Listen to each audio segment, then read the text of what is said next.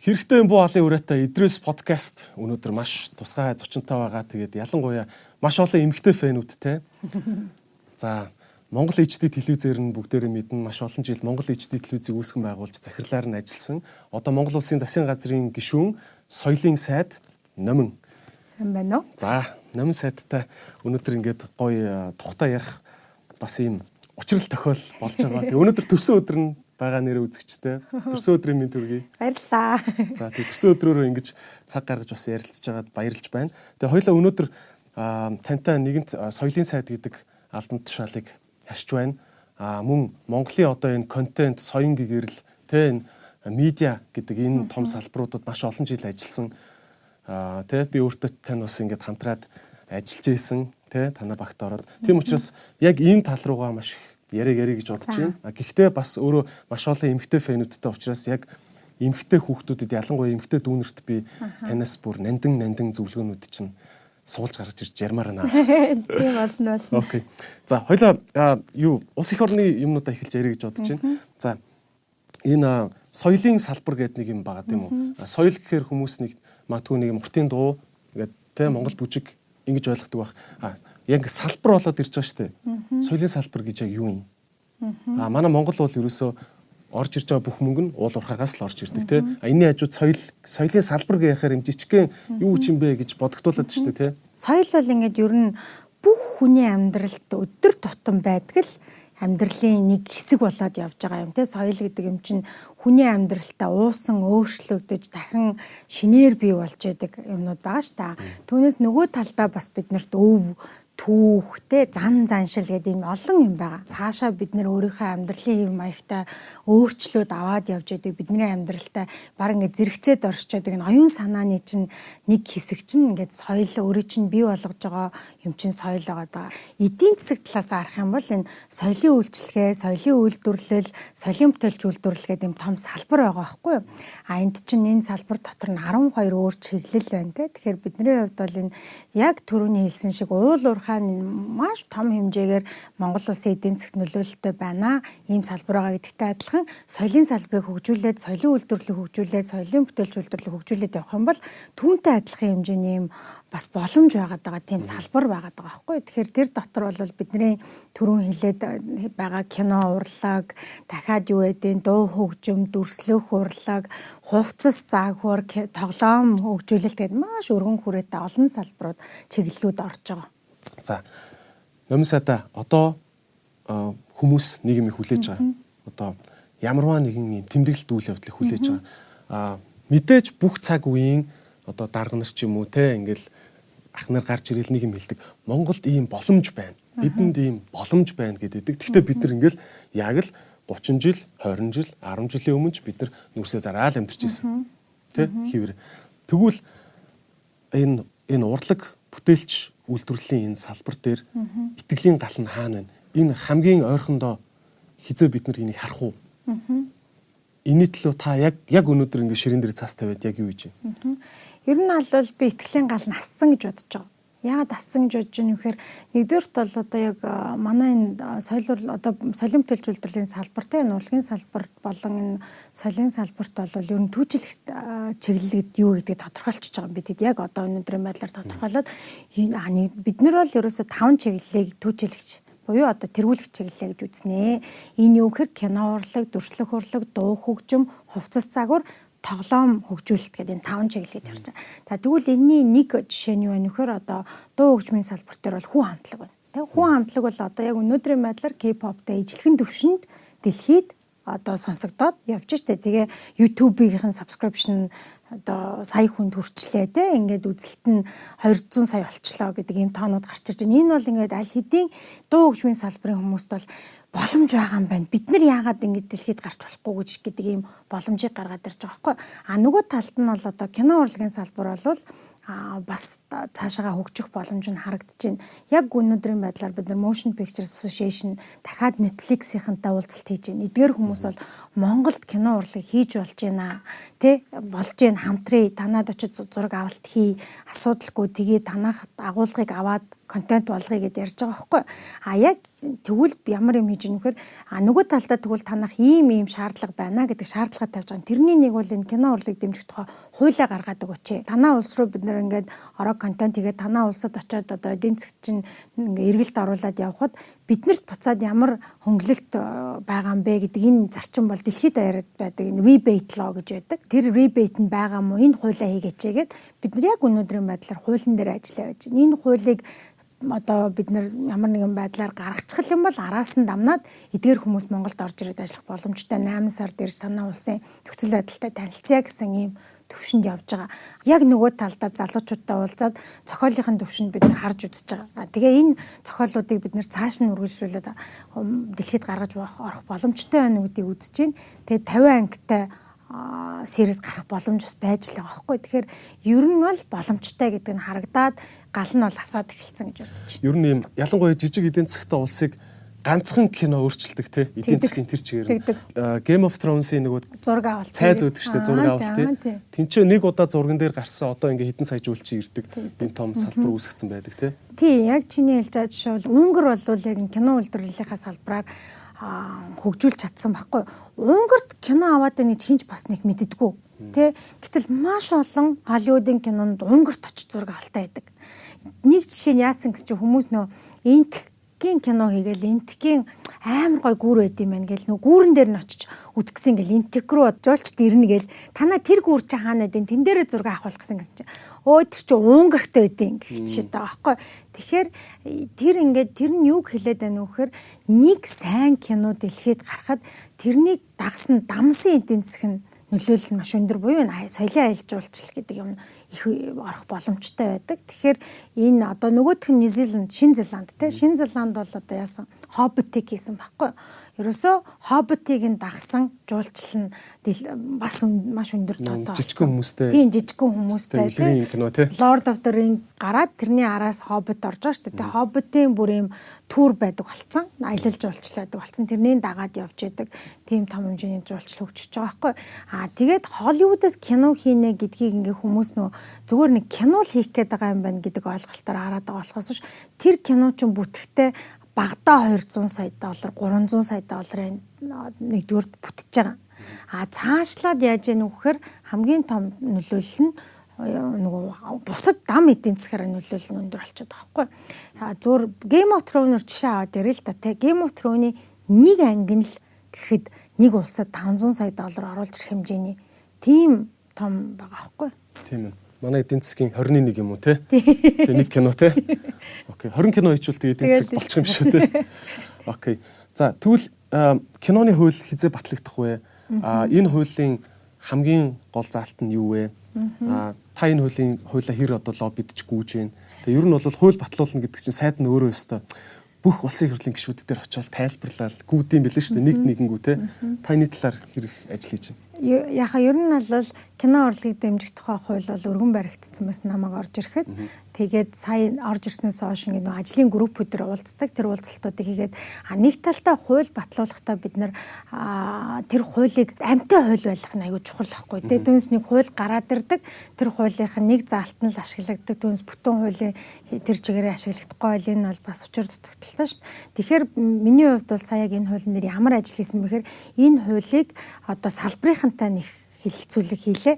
Хуулийн хувьд бол ер нь хоёр том бүлэг л байгаа. Нэг бүлэг нь бид нар Монгол улсынхаа үйл ажиллагаа явуулж байгаа кино урлагийнхныгаа хэрхэн дэмжих үү? А нөгөө бүлэг нь бол бид нар гадны зах зээлээс хэрхэн кино урлагаар дамжуулж хүмүүс оруулж ирж Монголд бүтээл хийлэх үү ингээд экспортоо нэмэгдүүлнэ гэсэн үг шүү дээ. Яах вэ гэдэг хоёр юм бүлэг л байгаа байхгүй. А тэгэхээр эхний бүлэг дээр бол би дотоодынхоо уран бүтээлчтэй маш их ажиллалаа. Дотоодынхоо уран бүтээлчдээс за та нар юу байвал дэмжлэг авах вэ? Тэднээс гаргаж ирлээ. Нөгөө талдаа яасан бэ гэхээр олон улсын зах зээл дээр байгаа том том газруудтай шууд уулзалт хийж за ямар тохиолдолд энэ хууль та бүхэнд одоо зөв байх уу та бүхэнд хэрэгцээтэй хууль гэж үзэж гэнэ үү гэдэг хилцүүлгүүдийг маш их хийсэн. Одоо би Netflix-тэй хилцүүлэг хийлээ. Дахиад одоо Hollywood-ийн продюсеруудтай уулзалт хийлээ. Эдгээр продюсеруудаа буцаа байнгын хорооныхонтойгоо уулзалт хийлэглээ.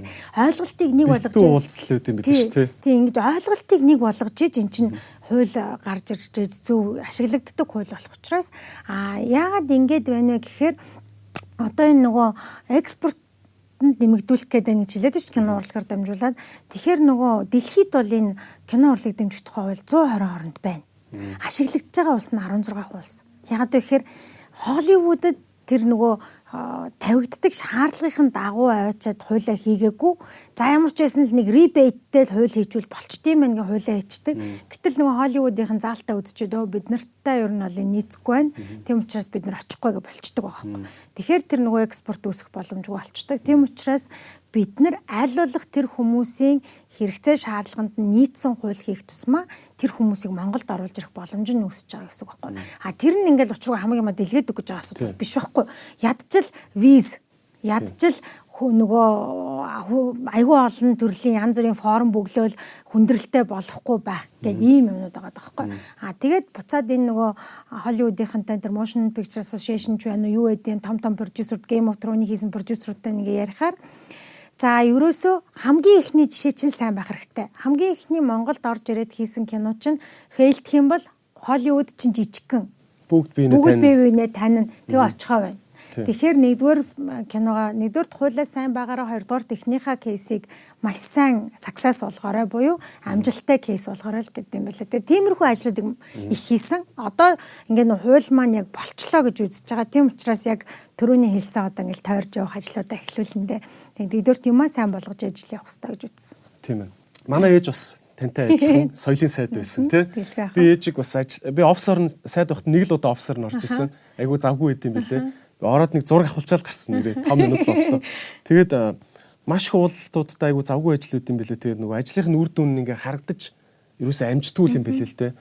Аа гэхдээ бас нэг миний нэг зүрх хөндлөнгөөс ойлгосон юм нь одоо хэдийн ингээл альбан бичиг шидэлцэл олон улсын протоколороо ингээл улс хоорондын сайд хоорондоо харьцаж байгаа юм альбан харилцаа явдаг хэдий ч тэнд нэг юм хувь хүний харизм нэг юм хувь хүн дээрээ зүгээр зүгээр нэг уулзсан дээр очиж хажууд нь чимээх хүн суудсан. Чи энэ манай улсын нэг ингээ юмыг явуул хатгаач те хөөе гэд нэг англиар ч юм орсоор ч юм уу ингээ хэлчихэд зөрөөд өнгөрөхөд бүтэн яамны ажил бүтчихийдэг юм байт юм билээ л дээ те та бол одоо дэлхийн 5 том алдартай шоуг Монголд оруулж ирсэн те тэдний төлбөр бол өндөр. Та бол мэдээж би бол бодоод байгаа нилээн хувь хүний тоглолт хийсэн баг. Чи одоо Монголд янтхан хүчөчтэй энэ гэсэн миксэр байна тий. Одоо яг тий. Тэгэхээр танд тэр ноу хав чи хэрэг болж байгаа. Та яамныхаа ажлыг хийхэд те хувь хүнийхээ харизмыг магадгүй заримдаа нэг бүр ингээд нүр мүрэ бодож жагаад очиод ингээд ярих нэг шаардлага гардаг гэж магадгүй. Иймэрхүү түүхээсээ та хаваалцаж яаж ажиллаа бүтээж байна? Тэг ер нь аль яг энэ чинь ямар ч ажил хүн хувь хүний харьцаа штэ.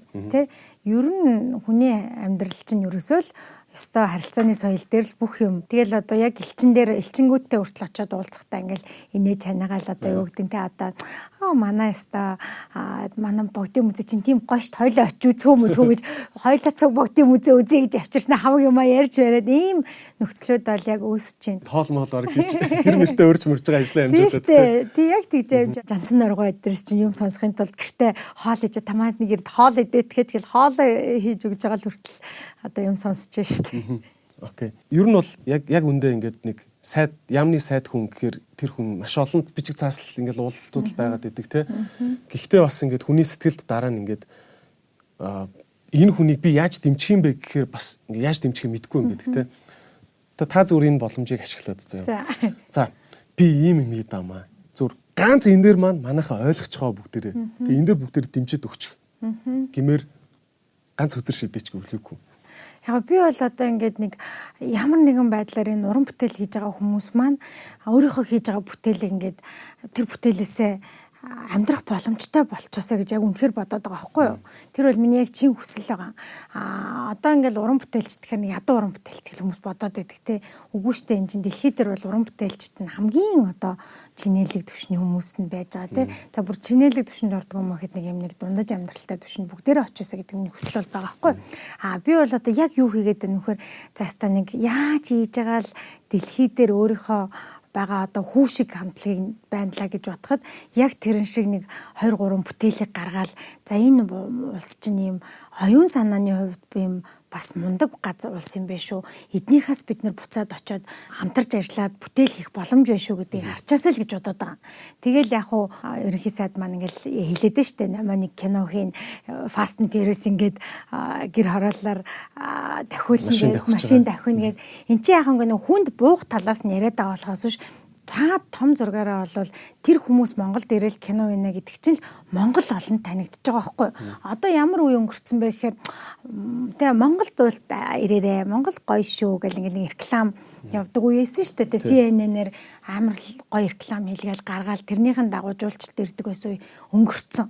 Одоо хүмүүс тэгж нөгөө өнгөн рекламд хуурдагдхаа болцсон. Юм дандаа ингээд нөгөө том зургаар нь хардаг ч юм агуулгаар нь ойлгож иж ирдэг болцсон.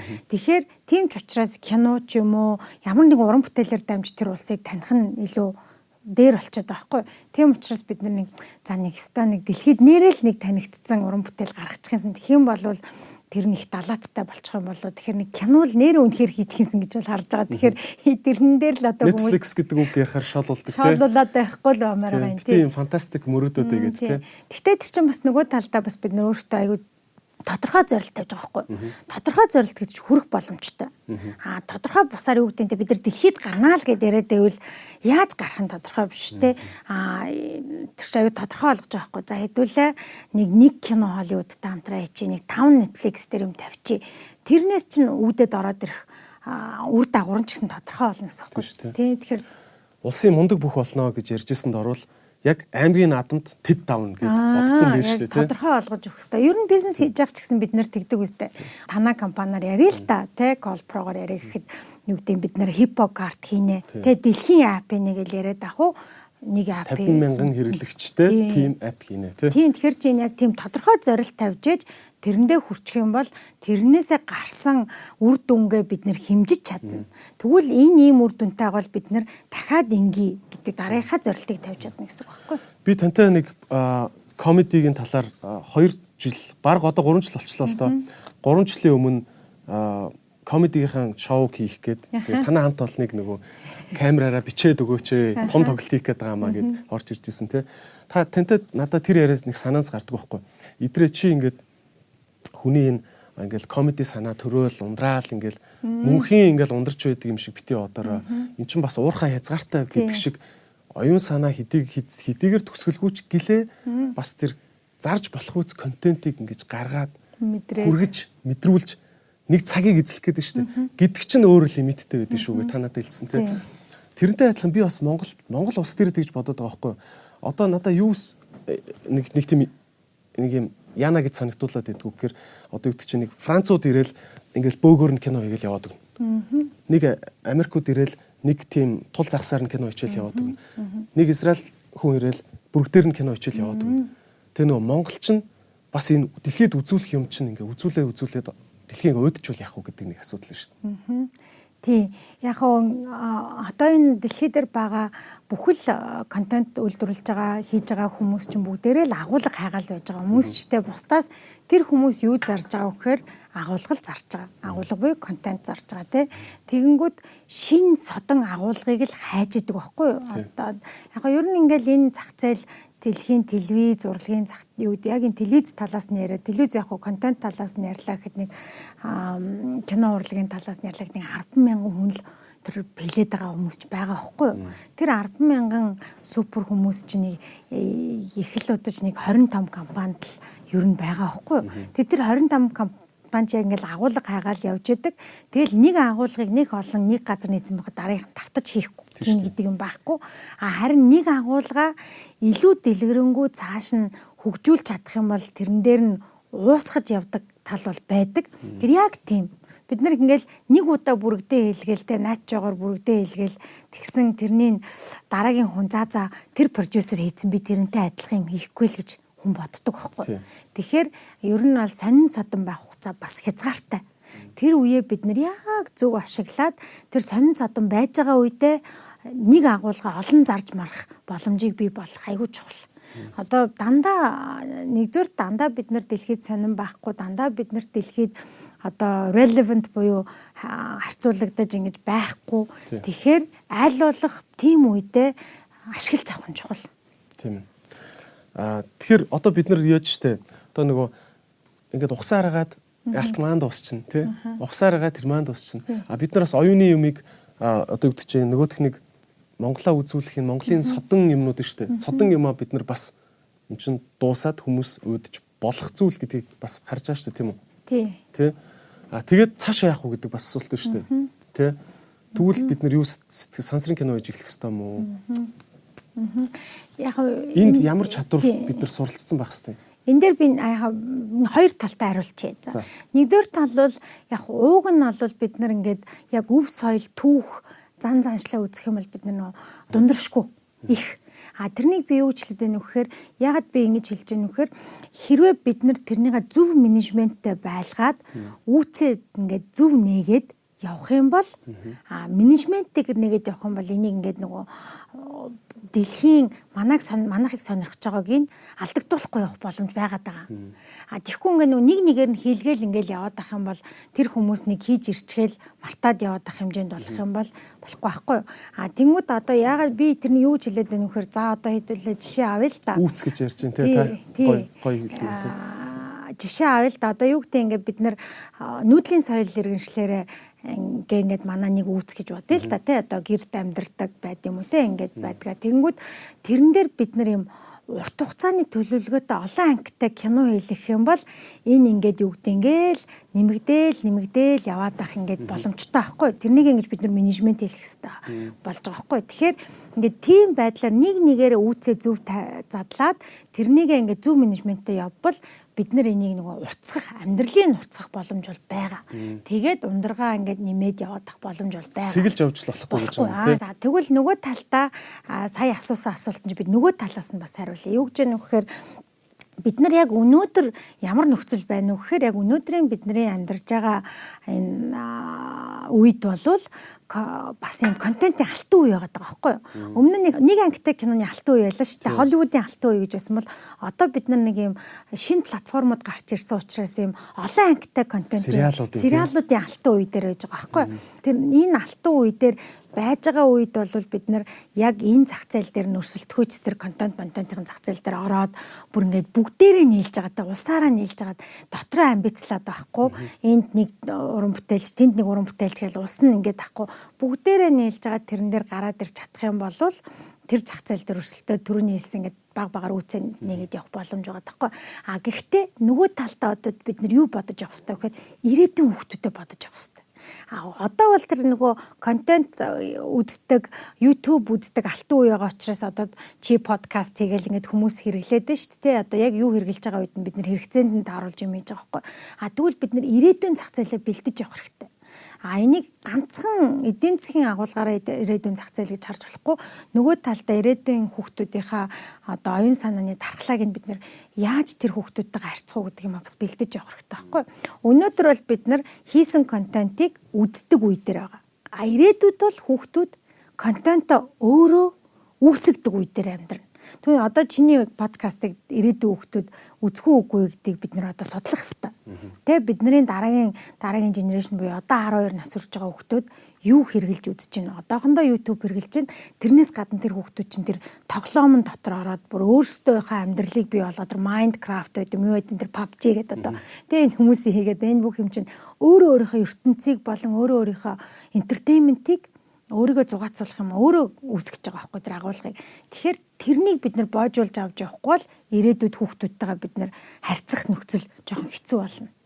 Тэгэхээр бид нар чи энэ YouTube дээр сайхан Монгол гэр барьж байгаа видеог үзээд эхэлтэй гэхийн оронд уг нь бол тэр тоглоомын дотор нь Монгол гэр нь явж байгаа юм тийм. Аа тэр PUBG-ийн дотор нь тэр юм нь пан гэд унахт нь дотор нь Монгол гэр барих тэр хан маань юу байдیں۔ те тэр юмнууд нь байгаад өөрөө ханаа босгоод тэгэх юм бол тэр хүүхдүүд нь өөрийнхөө үздэг, мэддэг, хардаг юмараа хийгээ сурна гэсэн үг байхгүй. Тэгэхээр бид нар нөгөө өөрийнхөө өв соёлыг, зан заншлыг тэр хэрглэж байгаа, хийж байгаа юмд нь авчирж өгч юм л гэсэн үг. Түүнээс бид нар үгдээ аль тэр номыг одоо уншаад гэр барихыг ойлгох. Эсвэл тэр YouTube дээр тийм видео байна үзгэхэд одоо ер нь бол тэр жагаан хүнд болж эхэлж байгаа. Тийм ээ. Тэгээ соёл гэдэг чинь бас хүчтэй л дээ. Одоо бид нар ингээд аа солонгос кино үзсээр хагаад магадгүй бид нар юм шарсан ногоон дотор ингээд мах хавчуулаад идэх дуртай болчихлоо шүү дээ. Зүгээр л тэрийг үзсээр хагаад тий. Яг энтэй адилхан Харвардын судалгаанд би бас өмнөх дугаар дээр бас хэлжсэн баха. Гэртээ ямар нэгэн байдлаар 80 номыг зүгээр ил ингээ гаргаад тавьсан байдаг айлын хүүхэд автоматар ном уншдаг хүүхэд болдог гэж байна. Тэ? Яг энэ шиг нэг юм зүгээр байжээ чи аянда өөрчлөгдөнө гэдэг юм байгаад шүү дээ, тэ? Та энэ дээр бас юу бодож байна? Одоо жишээ нь би бас сайхан нэг зах зээлийн судалгаа уншижсэн. Монгол худалдаа өгч нарын зам төлөв ямар улсынхантай адилхан байна гэсэн чинь 50% Америкчуудтай 50% Солонгосуудтай адилхан байна гэж байгаа. Тэгээ ингээд бодсон чи яг л 50% Солонгос кино 50% Холливуд үздэг юм. Тэгэхээр үздэг юмнаас их болоод байна тийм үү. Та энэ монголчуудын одоо энэ үзэх контент донд нь юу байж байгаасай тий ямар тактиктай бид нар явуул дээр вэ хідэн хувьд нь ядаж монгол контентууд ингэ явж явах ёстой юм тий одоо ингээд бид нар ямар нөхцөлд байна вэ? Сайн ингээ хэлж 50 50 байна гэдэг. Яг хуу миний харж байгаа өнцөг бол хүн ингээд Монгол хүн баян санааны тархлаатай байх юм бол ямар нэгэн улсын соёлын бүтээгдэхүүн орж ирэхэд энийг зөвхөн хэрэглээл өнгөрдөг байх байхгүй юу? Шингээж авдаг биш. Одоо сая бол чи яг шингээж авдаг талаас нь ярьлаа шүү дээ. Яаж яах вэ гэхээр ингээд хоол иддэг болчихж जैन ч гэдэг юм ингээд худалдаа авалтынхын зан төлөвний юм 50 50% өөр байна гэдэг. Ингээд шингээж авдаг болж байна гэдэг чинь бидний хувьд бол нэг өөрийнхөө соёлын дархлааг сайн суулгаж өгөөгүй байгаа учраас тэр хүмүүс өөр соёлыг шууд өөртөө шингээж аваад байгаа байхгүй а ууг нь бол ямар байх хэвээр гэхээр өөрийн улсын өөрийн гэсэн соёлын дархлаатай байх юм бол энэ ирж байгаа янз бүрийн өөр улсын контентуудаар зүгээр өөрийнхөө зугааг гаргаад өөрөө өөртөө таатай ямиг тэр минута тийм аваад өөрөө өөртөө таатай нөхцөлийг үүсгээл тэгэл ингээд өнгөрөх боломжтой байх хэрэгтэй байхгүй юу. Тэр утгаараа дэлхийн хэмжээнд юмыг харах сонирхох өсөлттэй болцсон. Дэлхийн гоё юмнуудтай л харьцуулдаг болцсон. Тэгэхээр тэр үзээд байгаа стандартаар нь Монгол агуулгыг бид нэр заавал өгч явах хэрэгтэй. А тэгэхгүй бид нар Монгол юм өгөх гээд байна гингүүтээ хуучинсаг аргаар өгч болохгүй болсон байгаа үе болчиход байгаа байхгүй. А тэгэхээр буцаад чиний асуултанд хариулаад хэлэхэд юу гэхээр бид нар заавалчгүй Монгол контентыг хийж л байх хэрэгтэй. Монгол хэл дээр Монгол өв соёл дээр тулгуурласан контентыг Тэгтээ тэр үзээд байгаа олон улсын стандартаар хүрэлэн тийм байх хэрэгтэй байхгүй. Тэгэхээр одоо бид нар яах хэрэгтэй вэ нөхөр маш хурдан энэ соёл урлагийн салбарт байгаа хүмүүсийнхаа менежмент болон энэ артаадлын багийнх нь ур чадварыг тэр дэлхийн стандартад очиж авч тавьж хагаад өөрсдийнхөө агуулгыг монгол хүмүүстэй түгээн дэлгэрүүлэх хэрэгтэй байхгүй. А тэгэхэд миний бол хамгийн чухал гэж боддог юм юу гэхээр монгол хэл дээр ямар нэгэн контент явуулах хэрэгтэй. Хүн ерөөсөө хүүхэд төрөөл хамгийн түрүүнд харцдаг соёл юу гэхээр хэл соёл ээж аавд гидсэнд нь ахт нь л хүүхдтэйгээ харцдаг үстэй те миний хөө гэл ингээл төрөөд гараад ирэнгүүт миний хөө сайн уу гэл ээж нь хамгийн түрүүнд ярьж байгаа юм нь монгол хэл соёл ахгүй бид нар хэл соёлоо маш сайн хамгаалах хэрэгтэй. Одоо би мятад ажиллаж исэн жижигэн түүхээс асуултын маань тавилт шүү. Одоо ямар юм мэрэгжлийн бас сэтгүүлч хүний хувьд тавилттай асуулт тий. За little story тий жижигэн түүх яри. Аа За би нисхийн инженерээр 5 жил сураад төслөө. За ирээд Мят компанид 3 жил ажиллаа. За надаас айгүй олон хүмүүс асуудаг байхгүй. Чи яагаад 5 жил инженерээр сурчаад ингээд одоо инженерээр ажилтгүй юм бэ? Нисхийн инженерээр. За энэ айгүй том асуулт. Би бас өөртөө тавьсан. Мят компанид ингээд 3 жил нисхийн инженер гэдэг ажилчин ер нь бол баг 10 жил хийж яж нэг юм яг инженер хүн болт юм бэл. А бусд нь бол тэгээд дандаа дагалдын инженер тий. За ингээд 3 жил ажиллаж явах хугацаанд юуг ингээд аюу нүдэн дээр маш тод харсан гэхээр инглэлтэй. За одоо мяти онгоцнууд бол том онгоцнууд бол түрээс өндөртэй. Зүгээр одоо сар сар ингээд нисгүй зогсоход тэр тэр онгоцны түрээс нь тэр төргөө ингээд 30 сая доллар туф туф гэж явж яадаг те.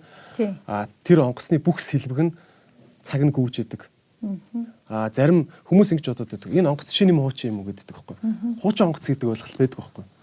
Нислэг тэнцэх чадвартай онгоц, чадваргүй онгоц гэдэг хоёр л ойлголт байгаа. Хэрвээ тэр нисчил авал цоо шин юм шиг сайн гэсэн үг. Яг тэгвэл хизээч юмыг эвдэрх машин шиг эвдэрхээр нь солидгоо байхгүй онгоцсон дэр те. За тэдэн цаг ниссэн юу вэ?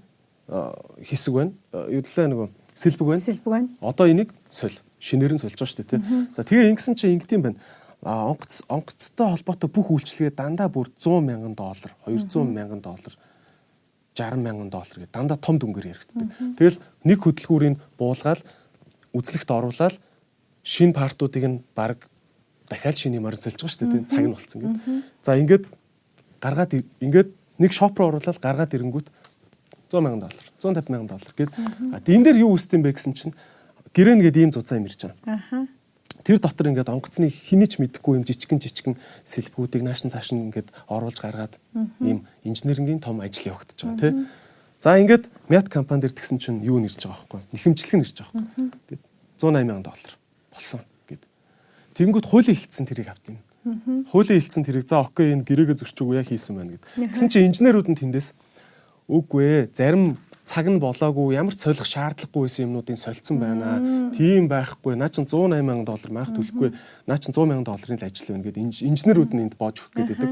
Гэсэн чинь хуулийнх нь болохоор яг үндэ тэр инженерингийн ямар парт, март хөдөлгүүрийн юу болоод байгааг нь тоохгүй. Тоохгүй тий. За ингээд санхүү рүүгээ явдаг. Тэгээд нөгөө компани чинь 108 сая доллараар төлт юм байна. Эндээс би юу гэж харсан бэ гэхээр инженер инженер хүн давхар хуульч байж чадах юм бол эх орондоо компанид маш их мөнгөийг хэмжиж өгөх юм байна. А тэнгууд би юу гэж бодсон бэ гэхээр за нэг хэсэг инженерийн суурьтайгаа тэгтээ нэг аж амьдралаа болгочоод хуулийн сургалт явъя. Тэгээд инженер хуульч болж чадах юм бол би ганц гэрэн дээр өстө нандин суугаад ажилласан байхад би мят компанид 100 сая доллар пад гэл нэг гэрэн дээр л хэмнэх юм. Тийм учраас би инженерээр ажиллахаа болцсон байгаа байхгүй одоо. Тэгээ тэрийгээ би тайлбарлаж байгаа шүү те. Тэгэхээр би энэ дээр танд юу гэж хэлэх гээд байна вэ гэхээр та нэг юм ярьж байна. Монгол соёлын үйлдвэрлэл дээр менежмент хэрэгтэй байна гэдэг. Магадгүй тэнд нэг юм соёлыг маш гүн 10 жил өөрөө ингээд ажил хийцэн давхар хуульч мэрэгчлээ. Тэгээд супер харизмтай хүнтэй наймалцж чаддаг ийм супер амьтад төрөх хэрэгтэй байгааз. Тэ. Тэгээд би танаас сууж байгаа нөгөө менежмент хийнэ гэдэг хүн нийцээ бэлэн болох юм бэ. Та энэ хүнийг бэлдэх тал дээр юу гэж байна?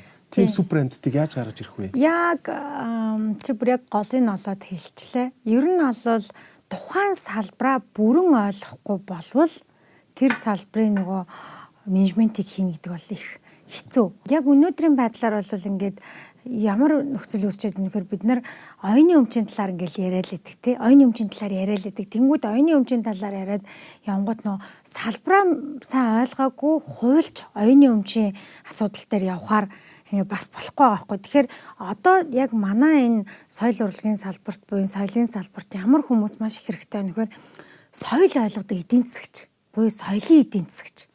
Соёлын талаар дагнсан хуульч буюу соёлын салбар ойлгодог хуульч хэрэгтэй байгаа даахгүй. А одоо банк санхүүгийн салбар дээр жишээ нь бас ингэж яга хөгжлөн сайн байна. Нөхөр тэрэн дээр дагнсан хуульч, тэрэн дээр дагнсан эдийн засгч, тэрэн дээр дагнсан хүмүүс байгаа учраас байж та уул уурхайтай юм ялгаагүй.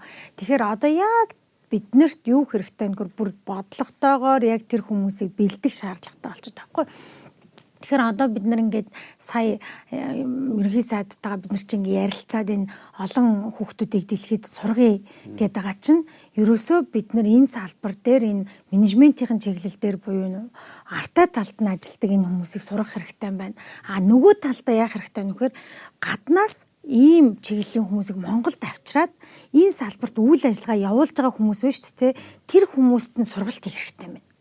Тэгэд одоо бол бид нар нөгөө аль бол хурцхан хурцгуур хэрэгтэй шүү дээ. Тэгэхээр одоо нөгөө хүүхдүүд сураад иржээд л тэр чинь дахиад 5 жил 10 жил те. А тэр чинь ихтэй бид нар ирээдүгөө бэлдэж явах хэрэгтэй байхгүй. А гэхдээ одоо байж байгаа үедээ яах хэрэгтэй нөхөр бас мундаг энэ чиглэлээр үйл ажиллагаа явуулж байгаа хувийн хвшлүүдээр байгаа хүмүүсээ мэрэгшүүлэх ажил дээр түргэн орж ажиллах хэрэгтэй. Мэн тийм учраас гаднаас юм сургадаг хүмүүсийг авчирж сургалт хий тэр багш нарын авчрыг гэдэг ажлууд бол яг хийж цаг очиж штэ тийм хэрэгтэй тий. А тэгээд нөгөө юм тэгээд нөгөө энийг одоо мэрэгшүүлдэг хурцдаг хамгийн том юм бол соёл урлагийн салбар чинь гоё юм юм хамтаар бүтдэг collaborative буюу юм нэгдэж хамтаж хамтарч хийдэг салбар байхгүй юу? А тэгэхээр ямар боломжууд байна гэхээр том том хамтарсан продакшнуудыг хийх энэ том хамтарсан production ирнэ гэдэг чинь нэгдүгээр тэр бүтээл гарна. Шууд утгаараа бүтээл гарна. А хоёрдугаарт хамгийн гол юм болохоор тэр түрүү миний ярьсан тэр дэлхийн стандарт гэдэг юмыг бид маш төрөгцтэйгээр Монголд сурч авч үлдэх боломж واخгүй юу.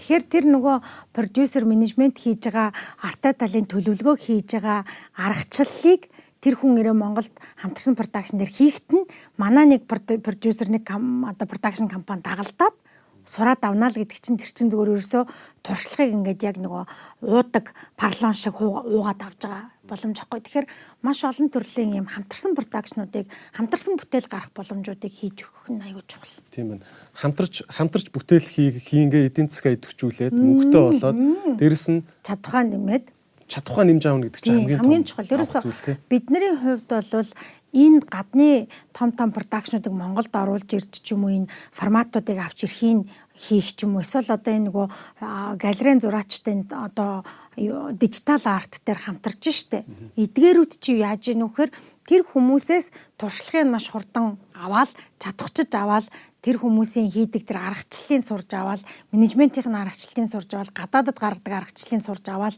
явуулаад байгаа арга баггүй тэгэхээр чадах нь аюу хурдан өссөн тэр маш чухал. Тийм байна. За одоо нэг юм юм байна. Яг энэ өөрсдийнхөө байгаа баялагын үүсийг зөв менежмент хийгээд дэлхий дээр ингээд өрсөлдөөд гараад ирэх гэдэг энэ зүйлийг бид нар маш удаан ярьж байгаа. Бүх салбар дээр яригддаг те. За баг ганц бүтэлтэй салбар нь луул урах шүү те. За гэхдээ зарим нэг зүйл дээр монголчууд заавал маш их хаширчээж юм сураад байна л да. Нэг гэрээ буруу хийгээл тэн дээрээс за яах вэ сурж авлаа гэдэг те нэг хүнд холихтуулаад за яах вэ сурж авсан юм да гэж сэтгэлээ тайтгаруулаад үлддэг те а тэгвэл одоо бид нар нэг бусад салбаруудад тэрийг дахиад нэг уршаага хармаар байна шүү дээ. Та бол ялангуяа англи улсад боловсрал эзэмшсэн хүн. Англичууд бол айхтар те хэдэн зуун жил хоорондоо өчнөө 100 мянга шүүхтэлцээд үдцсэн ямар ч гэрээний бүх юг залтуудыг Ингээд ингээд 10 жилээр урш нь харж агаад гар үсэг зурдаг юм хүмүүс шүү дээ, тэ. Та энэ дэр юун дээрээ бид нэр айхтар байх хэрэгтэй. Ялангуяа менежмент талдаа. Аа би бол ингэж бодож байна. Тэр айхтар байгаад байгаа тэр одоо бас уул уурхаа илүү төлхөө хөгжөөд байгаа эднэр гэдэг юм чинь биднэрт айггүй сон судалцсан байхгүй. Энийг би үүшлэр би бол судлах хэрэгтэй. Судлахгүй бол бид нар юу хөгжүүлэх гээд юу менеж хийх гээд байгаагаа тодорхойлж мэдэхгүй. Тэгэхээр би судлаад тодорхойлоод тодорхойлсныхаа дараа тэрэн дээр ингээ нөө төлөвлөгөөтэй менежмент гаргаж ирэх хэрэгтэй гэж боддог байхгүй. Одоо манай за би соёл урлагийнхаа соёлын бүтээлч үйлдвэр буюу соёлын салбар дээр арчилт те. За бид нар ер нь усаараа юутай юм бэ? Хэзээ судлаад тодорхойлоод а бид нарт яг ийм ийм ийм ийм байгаа юм байна тий сая бид нэр судлаа штэ манай улсад ер нь ямар хэмжээнд манай энэ соёл урлагийн салбарын хүрээнд байгаа юм За тэгвэл бид нэр ийм хүрээтэй байгаа юм. Тэгэхээр 12 чиглэлээр байгаа юм тодорхойлчих жоохгүй. Энийгээ тодорхойлж яана гэдэг чинь за ингээд багцалж өгч штэ. За та нар нэлээд хувцас загвар хувцас загварынхаа юм. Тэгэхээр энэ хувцас загварыг хэдүүлээ яаж хөгжүүлэх вэ? Энийхээ бодлогыг гаргая. За тэгвэл энэ кино урлаг. За кино урлаг ийм хүмүүс байна. Нийтдээ тэдэн уран бүтээлч байна. Нийтдээ тэдэн камер байна. Монгол улс ийм байна. Ингэж нэг аягүй сан судлаад тодорхойлж чадна гэдэг чинь бид нэр өөрсдөө байгаа нөөцөө тодорхойлно. Өөрсдөө байгаа чадвархаа тодорхойлно. А бид нар дэлхийн ямар түвшинд байгаа гэдгээ ойлгоно. Ингэсний дараа хөгжлийн замнал буюу менежментийнхаа замналыг гаргах хэрэгтэй байхгүй. Тэхийн бол нөгөө чинь суйртай хийж чадж байгаа учраас урт хугацаанд хөгжих боломж үүснэ. А түүнээс биш өмцөм өмцөм гялт энэ юм байна. Энийг нэг түлхээд үзье аа болсонгүй шүү одоо болио гэх болохгүй байхгүй. А тэр англи хүмүүс чинь яагаад тийм сөрхий байна вөхөр одоо миний байсан үеийн одоо мэддэг англичууд одоо бас биш олон жилийн өмнө сурсан. Тэгтээ тэгтэл суурн байдаг. Тэр хүмүүс яадаг вөхөр маш сайн судалдаг. За юу байна гэдэг судалдаг. Тэгээд дараа нь за тэгвэл ийм юм байгаа юм чинь ингэж хөгжнөө. Энийгээ хөгжүүлнэ гэдэг тодорхойлдог байхгүй. Тэгээд тодорхойлчаад өөрөөсөө А, Б, Цэг өөрөөсөө зүгээр бүгдийн төлөвлөлдөг. Тэр нөө төлөвлөгөөт байдлаар явдаг. Тэгээд нөө эрсдлүүдээс төлөвлөдөг, хөгжлөөч төлөвлөдөг, хаачих гээд байгаагаа ч хардаг. Зөрг гаргах юм аач тодорхойлдог. Ингээл явдаг. Тэгэхээр нөгөө гинт ингээл нөгөө нэг орж ирсэн санаагаа гаргаж ирэх байдаг биш байхгүй. Тэгэхээр би бол яг өөрөө одоо бас соёл урлагийн салбар манай соёлын бүтээлч үйлдвэрлэл ингээд шинээр үүсэж байгаа. Тэгээд энэ салбар маань шинээр яамтай болж байгаа энэ юмыг бол бид бас яг нэг талдаа давуу тал гэж харж байгаа. Ягаад давуу тал гэж харж байгаа нөхөр бид нар яг өдийд өөрсдөө ингээд судалгаагаа гаргаад тэрэн дээрээ тодорхойлоод за тэгвэл ийм юмнууд байгаа юм тэгвэл хэдүүлээ ингэж хөгжиж гэдэг одоо боломж байна гэж харж байгаа. Тэр нь хувийн хувьд ч гэсэн тэгдэг шүү дээ те нэг юм сэтгэлээр сэтгэлээр жоохон тавгуутай л ажил явахгүй байгаа юм шиг ингээл баг хамт олон ч нийлэхгүй байгаа юм шиг байхаар яг нэг ширээн дээрээ суугаад аа цаас надаа яа яа юу байгаа вэ? Хэдэн өдөр байгаа вэ гэдэг. Нэг суугаад цаасан дээр юм бичих чинь бүх юм ингээ гоо цэлмэг болгодог тий. Чи ингээд суугаад бодож байна гэдэг чинь чи судалгаа хийж ин л гэсэн үг шүү дээ тий. Өөрийнхөө хүрээлэнгийн одоо тэр ингээд багчин болохгүй бол багийнхаа хүмүүсийг бичиж үзээ. За юу гэдэнтэй эдрээ юм сэргэлэн харизматай тий.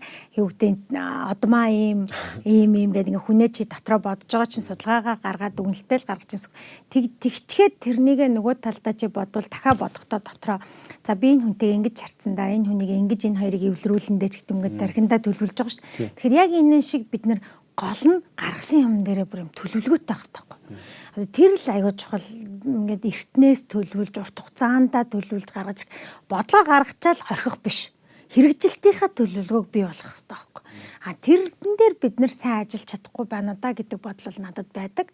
А хэрэгжилтийн төлөвлөгөөгөө сайн гаргадаг газрууд л эрсдлээ тооцож гаргадаг газрууд л одоо маш сайн явж байгаа бизнесүүд хүртэл байдаг шүү дээ. Хамгийн сайн явж байгаа улсууд л тиймэрхүү айхтар нь тэндээ байна гэж харж байна тийм. За тэгвэл та одоо ингээд соёлын сайд хүн тий а соёл хүн болгонд хамаатай.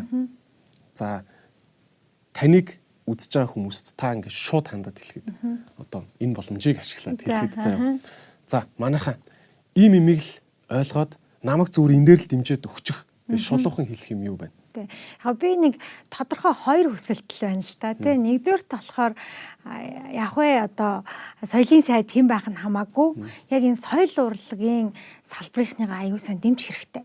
Нин ялангуяа энэ Монгол уран бүтээлчтэй дэмжих хэрэгтэй тий. Хүүхдүүдтэйгээ одоо манай Монгол уран бүтээлчд мундаг байж та галереас олон гаргаж байна. Хүүхдүүдтэйгээ ядаж тойрж яваад энэ галерейг нэг юу гэдэг нэг за нэг 3 сард нэг удаа гарч байгаа галерейнуудыг үзүүлж хэрэгтэй. Тэр чинь нэгдүгээр тэр хүмүүсээс билет аваад галерей үзнэ гэж тэр уран бүтээлчдийн бүтээлийг дэмжиж байгаа гэсэн. Нөгөө талдаа хүүхдүүд чинь ч гэсэн нөгөө гоо зүүн таашаал аваад бас юмыг өөр өнцгөр хардаг болно гэсэн үг тий тэгээд соёлын боловсрол нь нэмэгдэнэ гэсэн үг аа тэгэхээр ийм тойрж яваад ч та дахиад дээрэс нь манай Монгол улс бол бас үзмэр сайтай музей олонтой.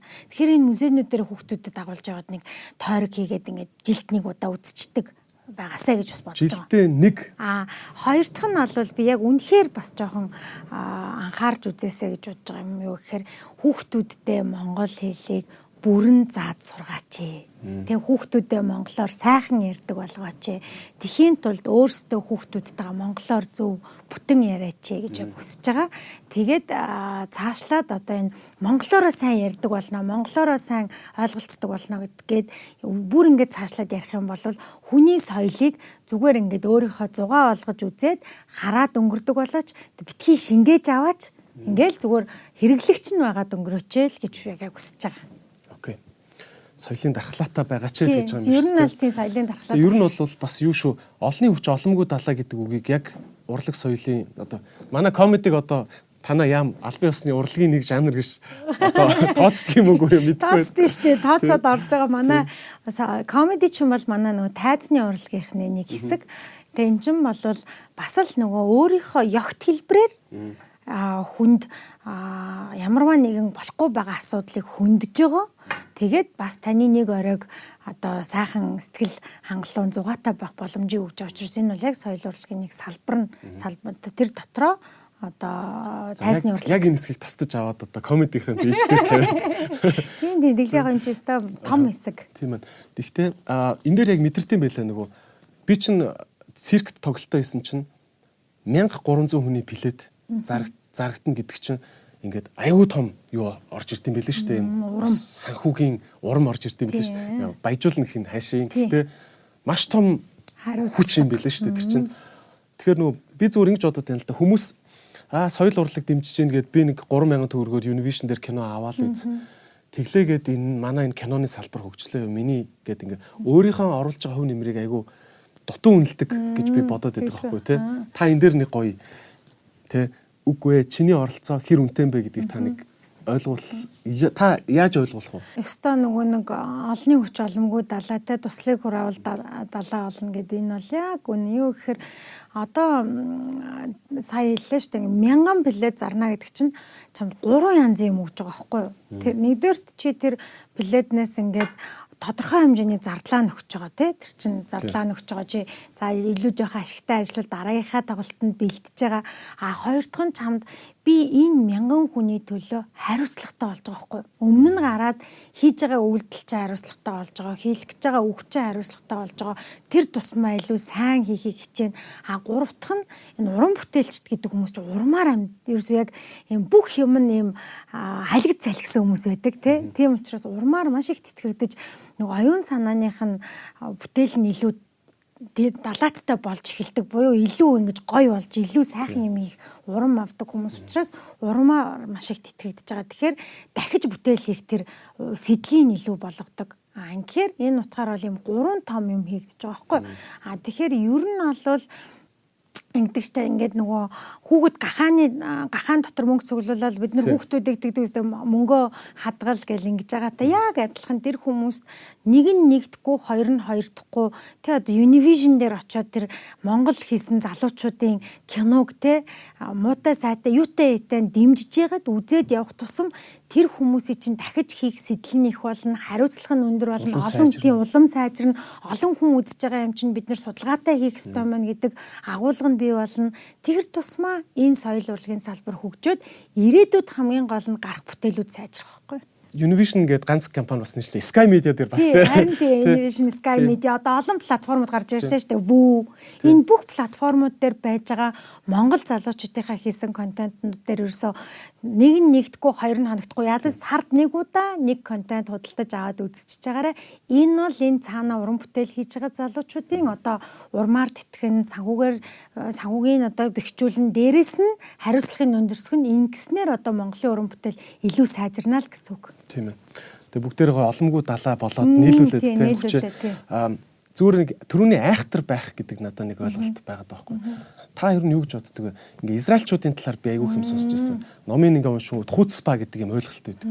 Тэр нь болохоор хэрэгтэй юм дээрээ ингээ зориг гаргаж чаддаг ийм чанар байдаг гинэ Израиль хүний чанар тий. А эсвэл юм худалдаж авч байгааг би лаг гэж бодохгүй. Гэхдээ юм зарж байгаа хүнийг би бол лаг гэж бодно гэдэг юм ойлголтын юу шүү дээ.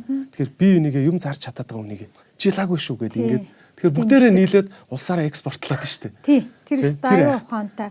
Одоо тэрний нэг жишээ Солонгос дээ.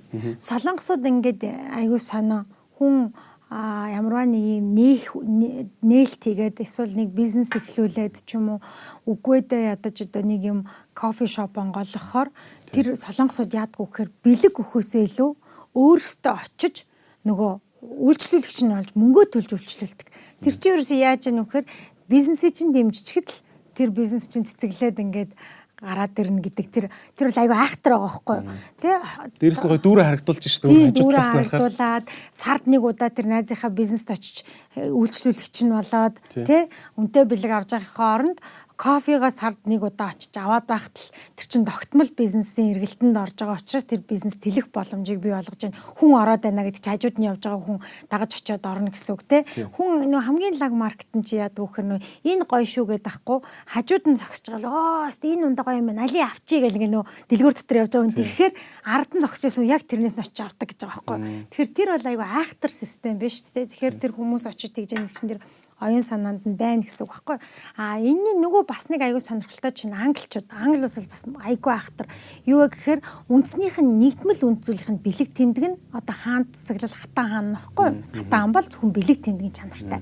А гэхдээ энэ хатан хаан бол хоёр маш том үүрэгтэй. Нэгдүгээр нь саяны хэлсэн үндэсний нэгдмэл үндсүүлийнх нь бэлэг тэмдэг, хоёр дахь нь эдийн засгийн эргэлтэнд нь маш том нөлөөтэй. Хатан хаанаас болоод одоо хаан тасаглалын тэр хатан хааныхын тэр гой сайхан байгаас болоод нөгөө хүмүүс аялал жуулчлаар ирж нөгөө ордны Бакинхам паласынх нь үүдэнд очиж хардаг те. Өө туган дээр нь байна байхгүй юм байна. А туган тал байна байна ч гэдэг юм ингээд нөгөө тэр бүр тэрнийг ингээд зохиол болгоцсон стори болгоцсон тэг ингээд байж идэг. А тэгэнгүүт тэр айгүй айхтар гэдгийг би юу гэж хэлж нөхөр эднэр бодлоготойгоор жишээ нь хаан засаглалынхаа тухай киног ингээд генерашн болгондоо буюу үе болгондоо тааруулж хийдэг. Одоо нөгөө баатарлаг зоригтой Элизабет нэгдүгээр Элизабетийнхаа тухай киног бол одоо баг 5 өөр хувилбараар хэлнэ шүү дээ. үе ингээл 10 жил болгоно хит Шинэ үед шинэ үед шинэ форматаар. Аа шинэ форматаар хийж байгаа байхгүй.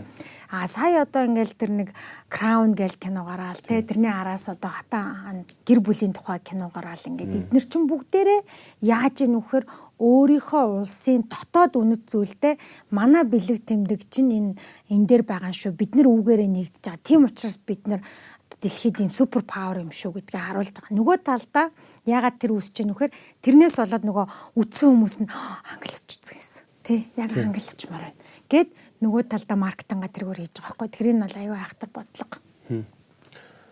Тэгэд нэг айхтар юм нь энэ үе болгоно болгоно салгаж тус тусад нь өөр өөр хэлээр нь дахин дахин соёлоо байнгын таниулж байгаа Тогтмол ингэж эргэж эргэлттэйгээр хүрэж байгаа айхтар тий. Тийм тэгээд тэр чинь нөгөө талдаа бас ямар юм үүсэж чинь вэхээр cultural creative industry буюу соёлын бүтээлч үйлдвэрлэлээ буцаагаад дэмжчихэж л байгаа байхгүй тэр чинь тэд нар нөгөө киногоо дахиад хийгээл тэр зохиолоо дахиад жоохон өөрчлөөл хувцсыг өөрчлөөл те тавилтыг өөрчлөөл жүжигчний тухайн цагтаа алдартай байгаа жүжигчнээ оруулаад Дэмжээд өгч дэмжээд өгчөж байгаа гэсэн үг байхгүй. Тэгэхээр эн чинь ингээ нөгөө бодлоготой байгаагийн давуу тал нь дотооддоо нэгдмэл үнд зүйлээ бэхжүүлж гин гадагшаа маркетинга хийж гин дахиад салбараа дэмжиж гин Тийм байна. Би түрүүнээс хойш айхтар гэдэг үгийг хэрэглээд байгаа нь одоо би гоё очрын тайлъя за.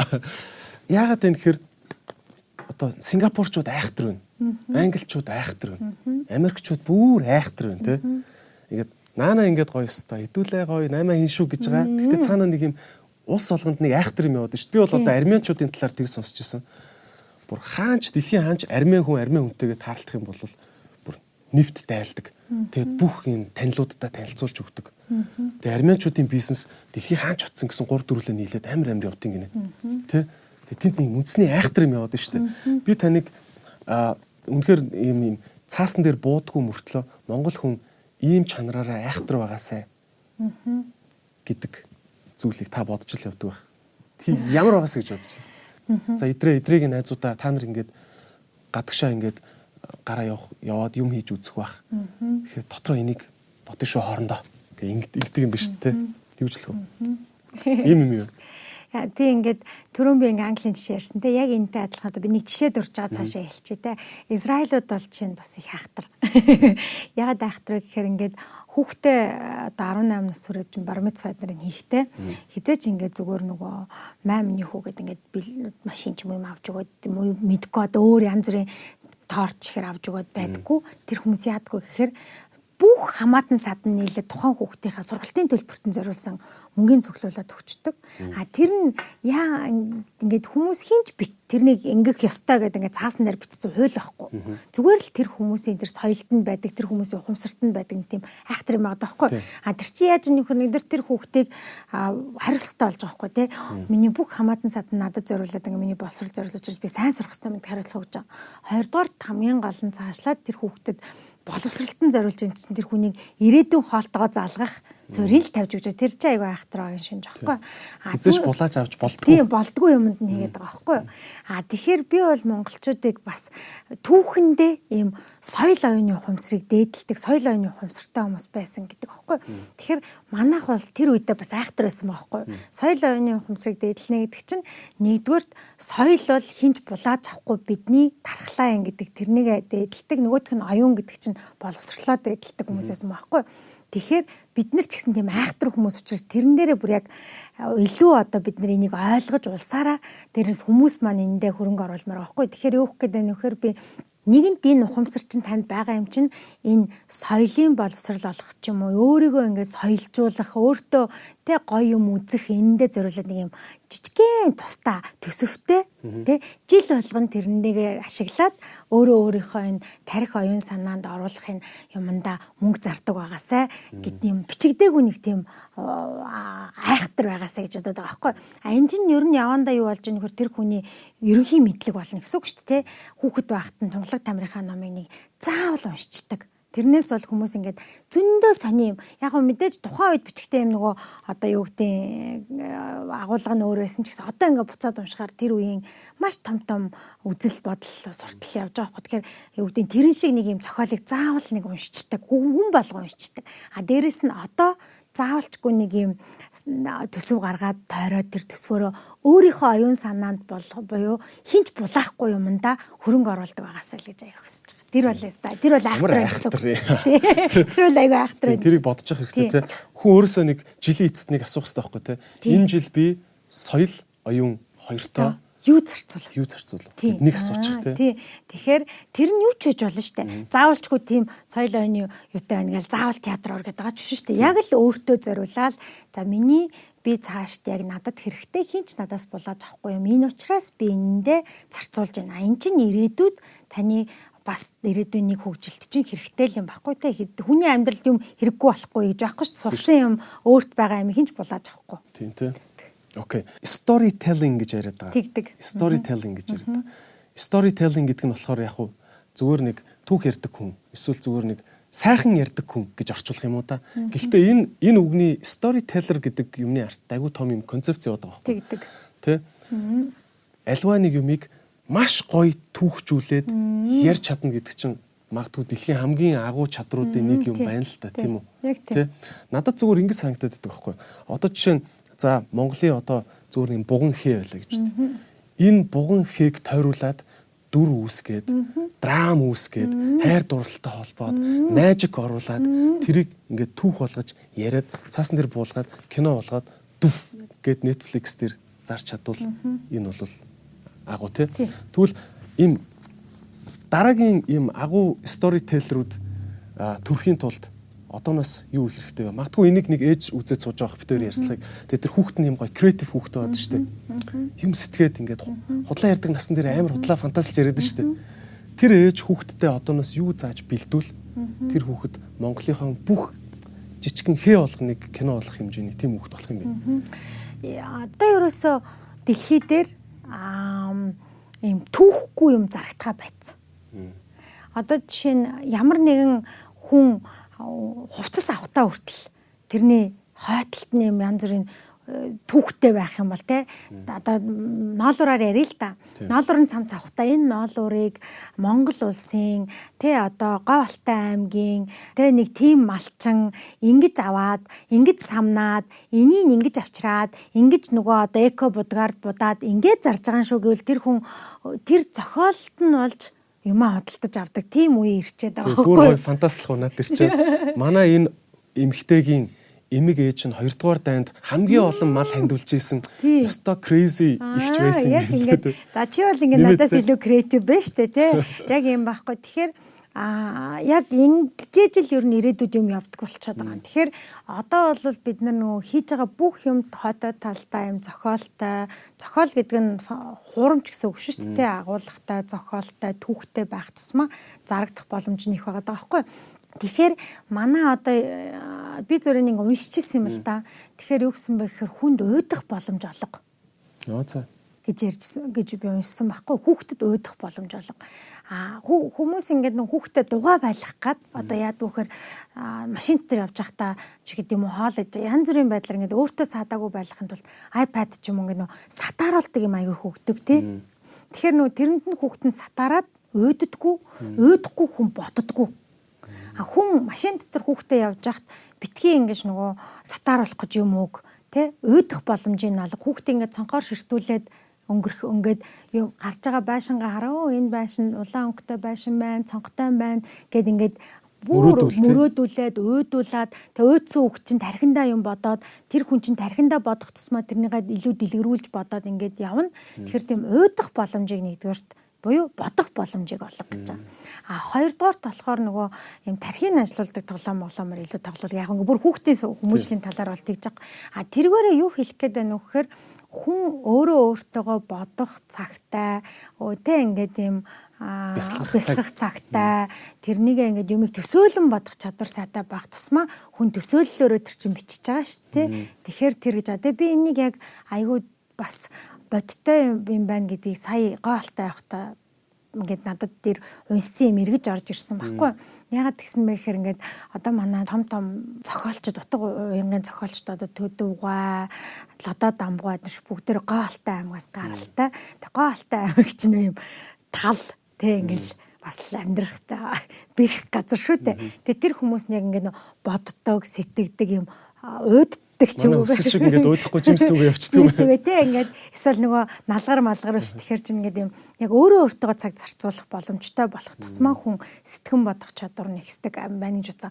А хоёр дахь нь нөгөө чинь айгуу сайн тухайн бичиж байгаа хэлээр уншиж одоо уншаал байх тусам тэндээс чинь бас сайн ойлголт төрн үзэхээс илүү нөө ном унших чинь хүнийг буцаагаад нөгөө төсөөлөх номон дээр уншиж байгаа улаан палаачтай та тийм тийм тийм тийм гэж байгаа юм чинь тэр хүн тэрнийг төсөөлөл үүсгэж байгаа гэсэн үг шүү дээ.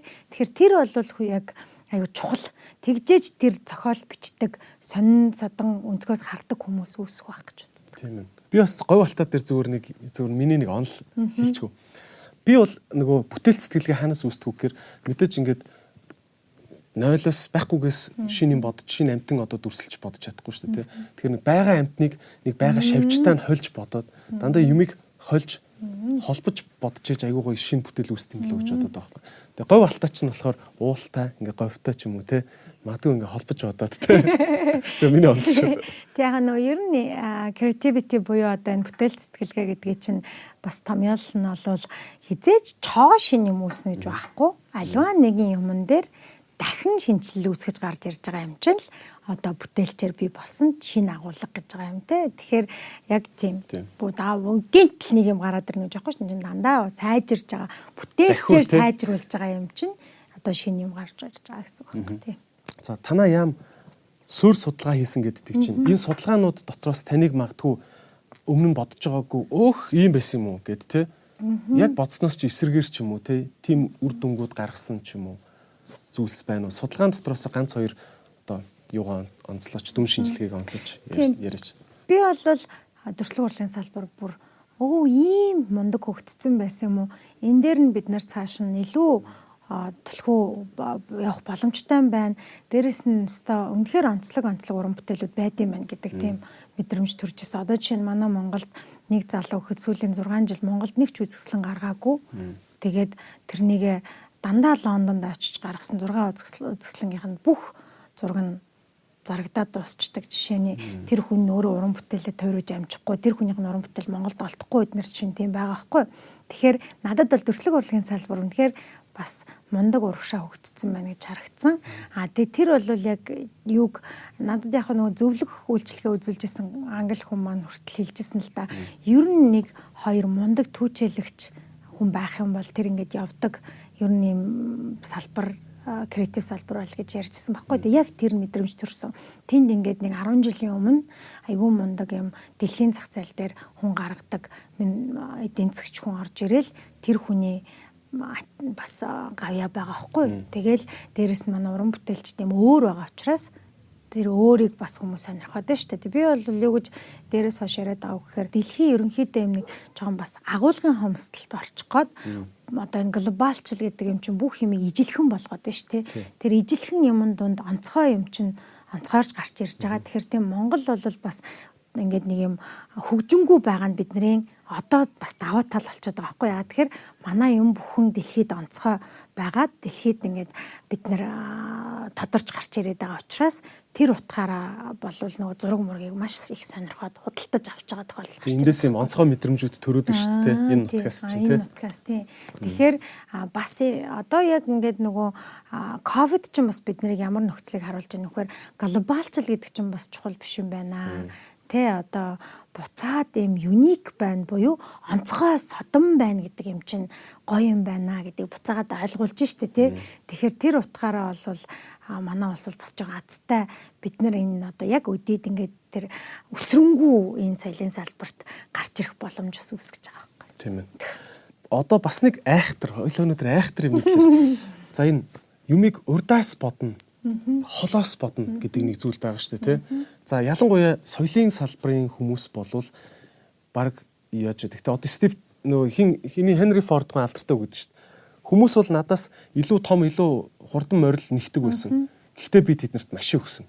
Гэт бодоогүй юм өгсөн биз дээ тий. Магадгүй та бол э, энэ олон судалгаа энэ төр яаж сууж явахдаа бидний одоо энэ контентыг хүлээж авч байгаа үзэж байгаа юм юмны дараагийнх нь бодож байгаа.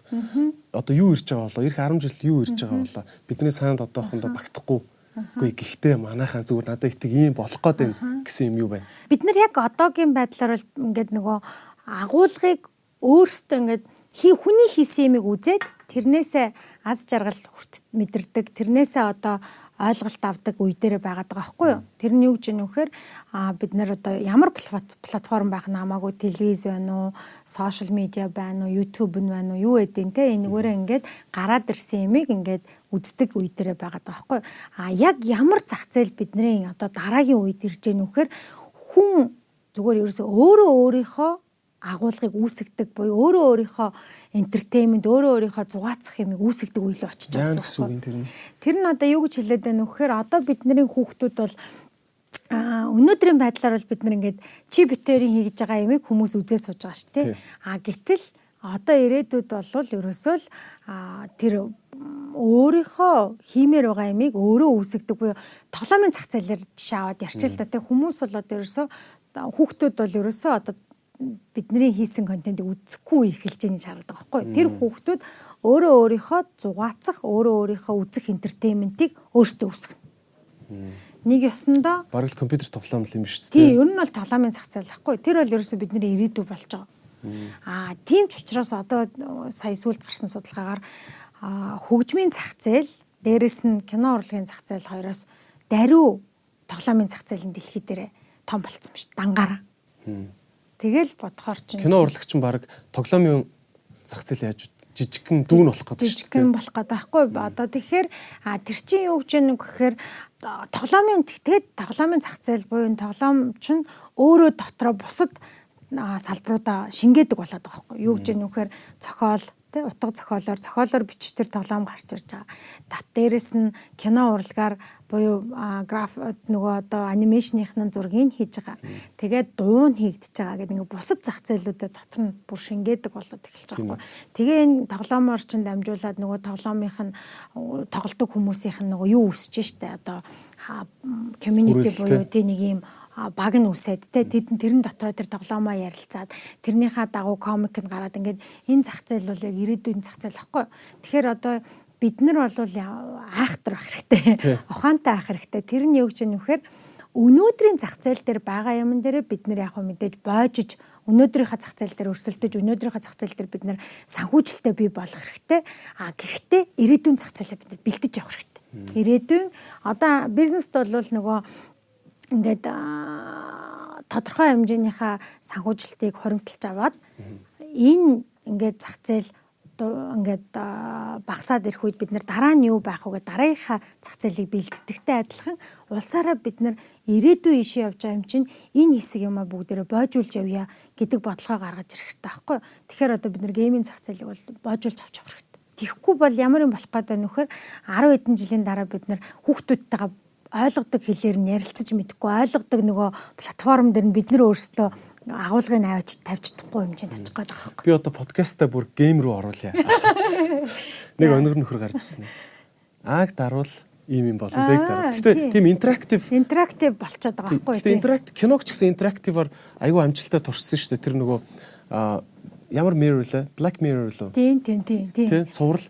Тэр чинь кино үзэж хагаад За чи энэ хоёрыг золдуулмаар байна уугүй байна уу гэдээ удирдлагын дайнд даруулаад түүхэн ингээд салаалаа явдаг. Тэр амар кино тийм. Тэр чинь яаж вэ гэхээр ерөөсөө л харин үзэгч өөрөө өөрийнхөө энтертейментийг үүсгдэг буюу агуулга үүсгдэг л болж байгаа юм руу явж байгаа. Тэгэл одоо энэ нөгөө augmented reality дахиад энэ нөгөө VR те virtual reality, artificial intelligence гэдэг энэ бүх энэ хэмэл оюун ухаан нар чинь тийшээгээл шилжиж яваад байна гэсэн үг байхгүй. Тэгэхээр одоо бид нар нөгөө юу гэдэг 20 хэдэн жилийн өмнө ингээд би даасан ямгүй болсноос болоод одооныхоо үеийн бодлогыг тодорхойлж амжаагүй байж итэл одоо үдээд ирчлээ ш. Тэгэхээр одоо бид нар нэгэн тийм яамтай бодлоготой болж байгаа учраас ирээдүйн зах зээлээ бас төлөвлөж зэрэг авч явж тэр хүмүүсийнхаа одоо хийц хэлбэрийг боожуулж явах хэрэгтэй. Тэгжээж тэр үед бид нэр хүүхдүүд дээр ингээ харьцах боломжтой болно л гэж боддог.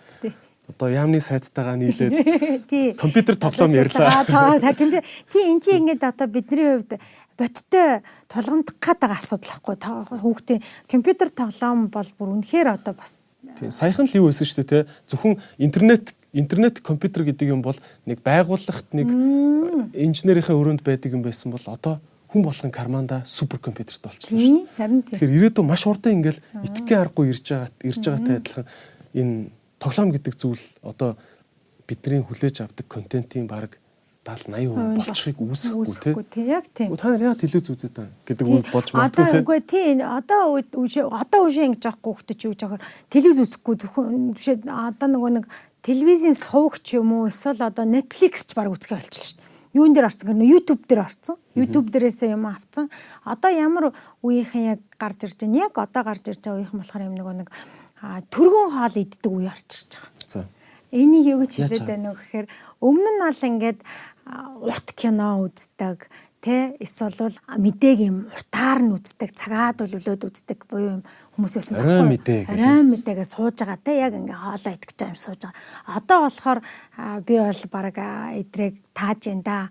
Мэдээ зэдэг нэг 2 минутанд ингэж үздэг снак шиг. Ингээд Bloomberg ч одоо нөгөө quick take гэдэг gas үзэх гэдэг юм суугтай болчихлоо шүү дээ. тэгэхээр тэр яатсан бэ? Гэхээр одооны байгаа хүмүүс болохоор юмыг юм богинохон минут богинохон үздэг болцсон.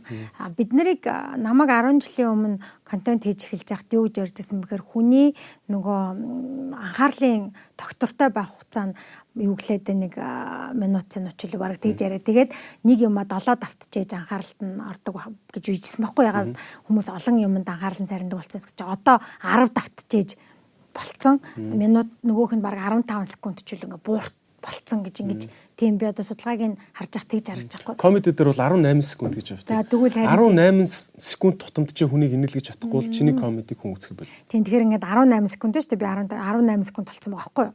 Тэгэхээр тэр чи яаж яах вэ гэхээр хүн 18 секундэд л юм ойлгохгүй бол тэгэл дуусгаад нь шүү дээ тэр үе чинь буюу юм төргөө хоол буюу богинохон богинохон ингээд нөгөө хоолт нь өртөлт юм болцсон мэт 6 удаа жижиг хэд гэдэг шиг.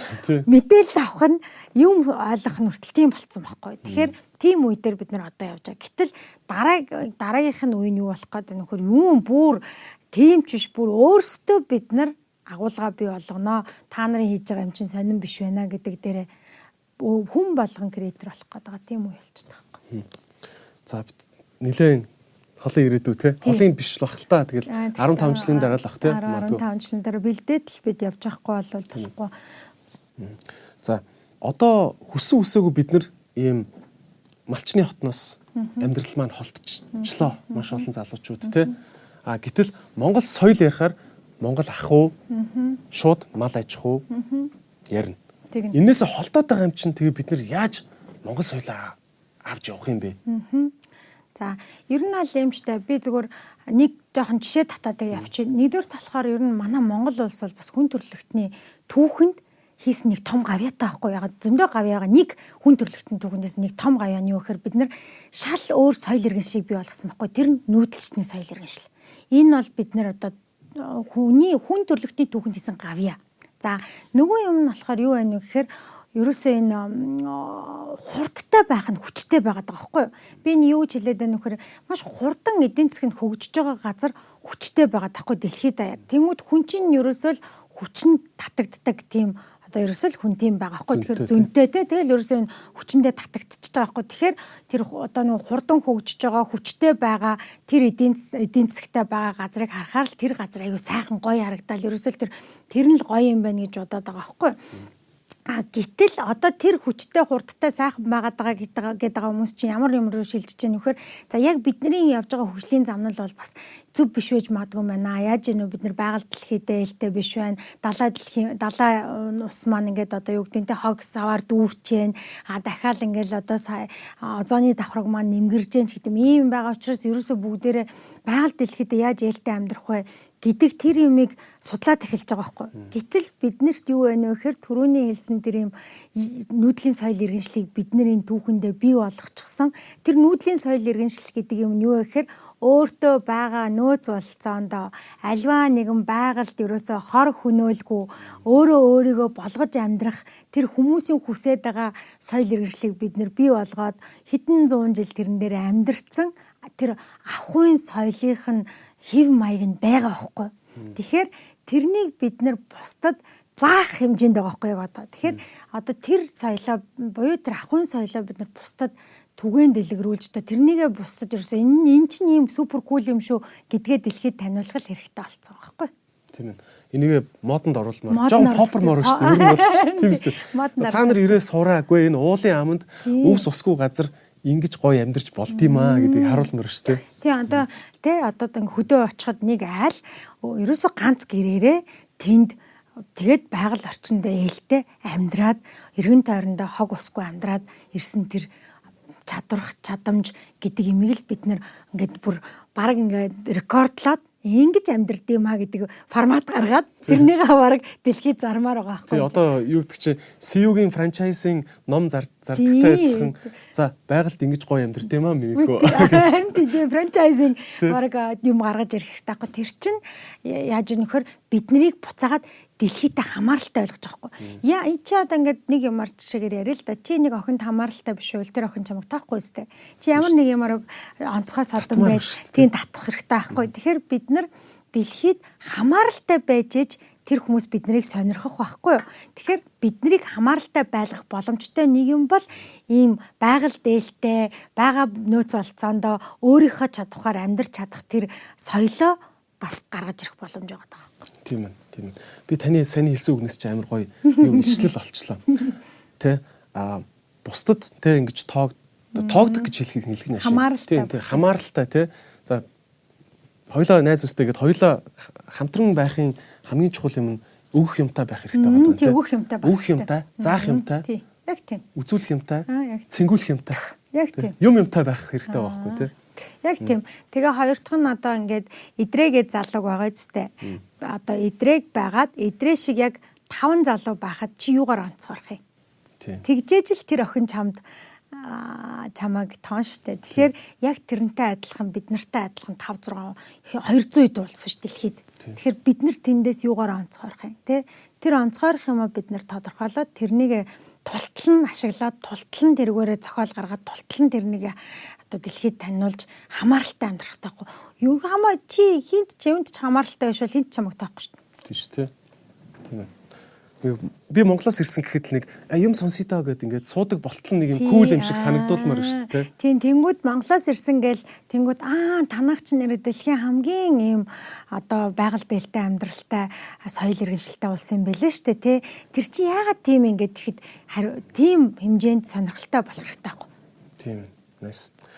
За энэ дээр хэдүүлээ толгоогоо ажилуулмаар юм биш үү? Эрхэм мөндөд үзсэн шүү дээ. Өнөөдөр ингээд за дараагийн нэг юм Монголыг кул болгох хэвээр. Монголын амьдралын хэв маяг, Монголын малчны хотыг тэр Англид байгаа залууд кул. Йоо энэ хүнээс энэ ахаас юм сурчих юмсан гэж ингэж гэгэлзүүлдэг болгоно гэдэг чинь бас нэг юм дэлхийн медиа дээр конфуден гэсэн үг шүү дээ. Ер нь бол тий. Аа бас л нөгөө хоёлоо ярианыхаа ихэнд ярьжсэн нөгөө хувийн харилцаа, бүх юм хувийн харилцаа гэдэг. Та дэлхийн медиа дээр Монголыг яаж гаргая гэж бодож байна, тэ? Дэлхийн медиа гэдэг чинь айхтар юм биш үү, тэ? Энэ олон телевизэр чинь Монголыг яаж л харлуулвал харлуулна жилийн дотор. Оо тоосон дунд байдаг тийм нөхдүүд байлаа гэж хэлүүлж болно. Эсвэл бүр гайхамшигтай орн байлаа гэж хэлүүлж болно, тэ? Энд дээр яах вэ? Ямар ажлууд хийгдэж байна? Ер нь бол энэ медиа салбар чинь нэг 10 мянган хүн л байгаа гэдэг ш тий. Тэр 10 мянган хүнийг л ирээл одоо Монголд нэг ялангуяа медиа энэ контентын салбар ч юм нөө хамтын бүтээл хийдэг салбар. Ямар вэ гэхээр тэрнийг би юу ч хэлээд байна вэхээр нэг хүн зохиол бичээд нэг продюсер тэр зохиолыг барьж аваад тэрэн дээр мөнгө босгоод тэр тэгээ босчонгууд нь за найруулагч аавь, дууныхаа найруулагчийг аавь, зураглаач аавь гэх бүгдийн юм нөгөө чөлөө дуран бүтээлчдүүдийг нийлүүлж ингэж дэлхий дээр бол продакшн өсөж байгаа байхгүй. А бас яг хуу томороо метр нь хийж байгаа ч байгаа. Тэгээ байж байгаа газар чинь тэр хүмүүст өөрсдийгөө бид нар таниулах хэрэгтэй байхгүй эхлээд тэр түгээн дэлгэрүүлж байгаа нөхдүүдэд өөрсдийгөө зөвөр таниулчих юм бол тэр хүмүүс цаашгаа бидний нөгөө адвокат буюу бидний стажинг дэмжигчнэр болоод таниулаад явна гэсэн үг шүү дээ тий. Одоо нөгөө инфлюенсер гэж яриад байдаг тийм яг тэр шиг тэгээд явна гэсэн үг байхгүй. Тэгэхээр бид нар ерөөсөө тэр хүмүүстэйгээ ажиллах хэрэгтэй. Уучлаарай. Тэгэхээр та бол нэг 10 мянган хүнийг л медиагийн дэлхийн 10 мянган хүнийг л Монголд бүгднийг авчирч үзүүлэх хэрэгтэй юм тийм. Тийм. Тэгээд авчирч үзүүлэхдээ бид нар одоо нөгөө бизнесийн зарчим дээр ч байдаг. Ер нь бүх юм, ер нь л хүний зарчим дээр ч байгаа. Монгол хүмүүс ч нэг заа хандгаатай хүмүүс гэж ярьдаг тийм. Нэг заа гэд хэлсэн бол тэр хүмүүстэй худлаа ярьдаггүй. Нэг заа гэд хэлсэн бол тэр заада үнэнч байхыг хичээдэг. Яг тэр одоо бидний тэр бүр цусан чингсэн тэрнийг өгн бид яг уламжлалж явах хэрэгтэй байхгүй. Тэгээд одоо монголоор нэг цонхны бодлоготойгоор гадагшаа бүх мэдээлэлээ гаргадаг. Хин дуртай нь очоо хин дуртай байгаа янз бүрийн юм яриад байдаггүй. Нэг цонхны бодлоготой байгаад тэгээд тэр хүмүүсийг Монголд ингээд өөрийгөө хүрээ дээрээчээг авчирчаад хамгийн анхных нь одоо мэдрэмжийн аягүй сайн хэрэгтэй. Тэгэл тэр хүмүүс чинь дөрөв 10 мянган хүн гэдэг чинь дорой бие биендээ өгөн тарна. Тэгэхээр хамгийн анхны мэдрэмжийн муу өгөөлөл За тэгэл ер нь хэцүүтэй. Тэгэл тэр чинь тарахчих байхгүй тийм учраас амлсан юманда эзэн байж ирээд буцаад эрэхт нь бид нар тэр яг өсөж байгаа юм биелүүлээл явуулах юм бол тэр боломжтой. Тийм ээ. Тэгээ ер нь нүдэрээ үзүүлэх чинь бас айгүй чухал юм билий тий. Яалтчгүй ингээд бүр урьж авчираад үзүүлэх чинь маш чухал байгаа байхгүй.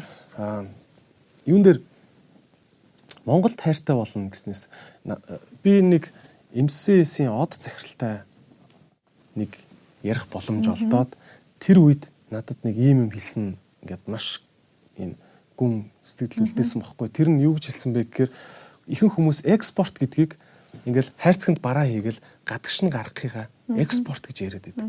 А яг үндэ манай Монгол зочид авчираад хоолоо ингээ идүүлэх юм бол эн чинь экспортын эхлэл гэдэг. Одоо зүгээр айгүй энгийн юм харахад хараа хин юу гэдэг чинь хин одоо солонгос бүтээгдэхүүн аваад их аваад байна гэдгийг харахаар дандаа Солонгост амьдарч байгаад энд ирсэн. Солонгост 2 сар ажилласан ажиллаад намар нь энд ирсэн хүн ч юм уу. Нутагт нь очиж юмыг амталж идчихэж дараа нь явсан ч гэсэн нөгөө юмаа санагалцаад захиалдаг болт юм байна л да. Яг энтэй адилхан манай Монгол экспортлогч орн болмоор байгаа бол маш олон хүмүүсийг авчираад Монгол юмаа бүгдийг идүүлж үзүүлчихэд тэгээ явуулах хэрэгтэй юм л. Тэ? Тэнгүүд нөгөө хүн чинь очингуудаа 2 2 сарын дараа нэр нэг Монгол нэг юм идчих юмсан гэж бодно шүү дээ тий. Яг гоо би бол яг санал нэг байгаа. Тэр юу вэ гэхээр ер нь хүн нэг хүнтэй уулзчихаар уулзсан хүнийхээ талаар нэг тийм одоо сургаар сонсохоор Тэ ингээд нэг харцсан дээр байдаг гэ тэ тэр тэрнтэй адилхан мянга сонсохоор нэг үзгэдэгтэй адилхан одоо нэг хүнтэй уулзчвал тэр үнэ нэг бас жоохон сөрөг боддгоо штэ тэ муу юм бодчихсон гэсэн. Тэгэхээр яг тэрнтэй адилхан тэр хүн нэг ирээд нэг энэ газрыг мэдсэн байх үед тэр газрын талаар телевизээр юм гарахад илүү сайн сонсно. Тэр газраас ирсэн юм бүтээгдэхүүн байхад мэддэг болсон учраас аавна.